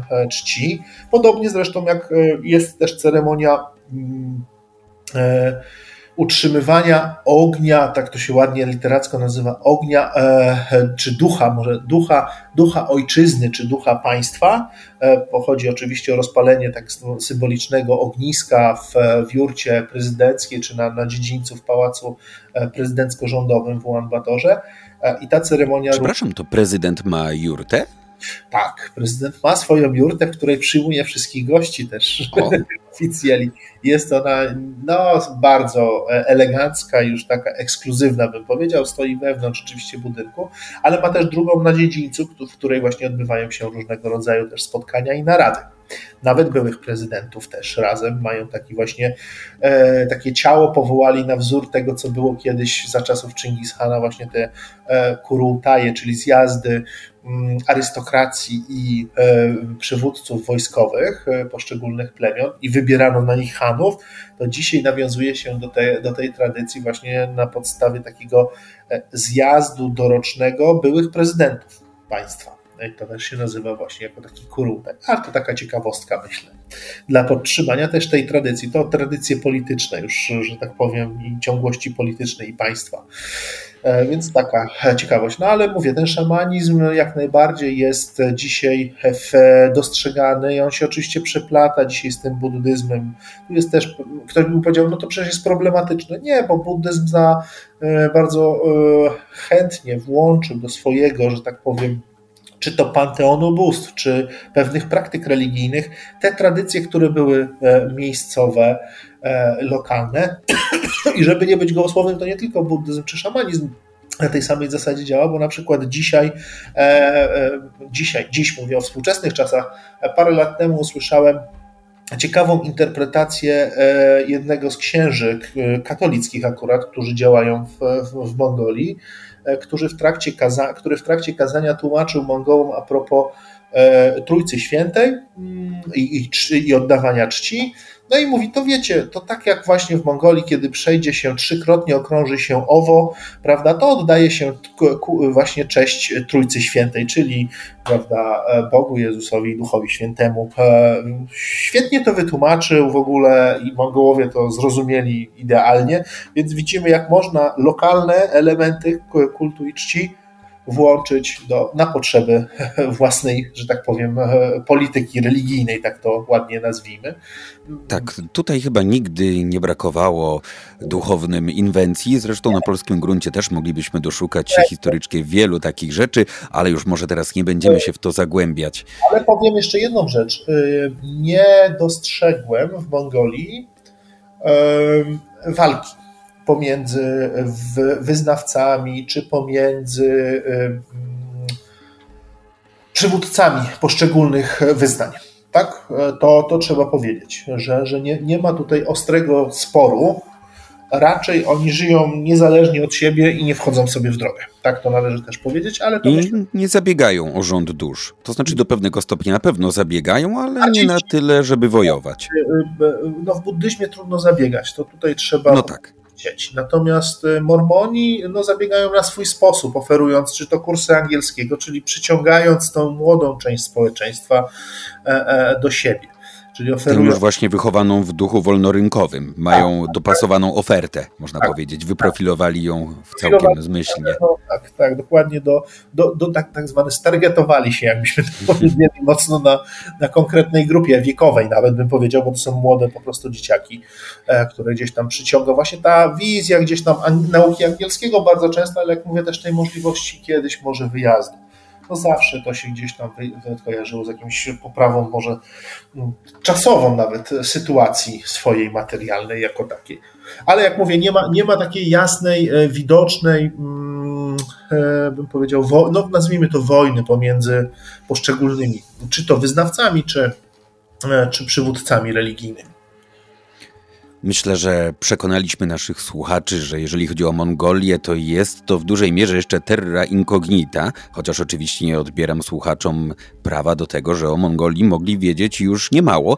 Niemniej, jeżeli chodzi o Mongolię, współczesną Mongolię, to tematów bez dwóch zdań nie brakuje, ale niestety brakuje czasu, by móc zająć się tymi wszystkimi tematami, dlatego bardzo panu dziękuję. Moim Proszę. gościem był dr Jan Rogala z Wydziału Orientalistycznego Uniwersytetu Warszawskiego i mam mam nadzieję, że jeszcze będziemy mieli okazję zabrać naszych słuchaczy na wyprawę do Mongolii. A ja powiem inaczej, e, w myśl mongolskiego przysłowia, lepiej raz zobaczyć niż tysiąc razy usłyszeć, więc zapraszam wszystkich do odwiedzenia Mongolii. Bardzo panu dziękuję. Dziękuję bardzo. I tym sposobem dotarliśmy już niestety do końca ostatniego w tym roku odcinka podcastu Centralnie na Wschód. Mnie nie pozostaje chyba już nic innego, jak tylko życzyć Wam, moi drodzy słuchacze, by kolejny rok był zdecydowanie lepszy od poprzedniego, by obfitował w niesamowite przygody, masę wrażeń, rzeczy, którym można się dziwić, a także w inspirację, wszelką możliwą inspirację, by nie brakowało nam ciekawości, żyłki odkrywcy i chęci eksplorowania rozmaitych tematów. Oczywiście w kolejnym roku zachęcam do słuchania podcastu Centralnie na Wschód regularnie, być może nawet, ale to jeszcze się okaże, częściej niż dotychczas.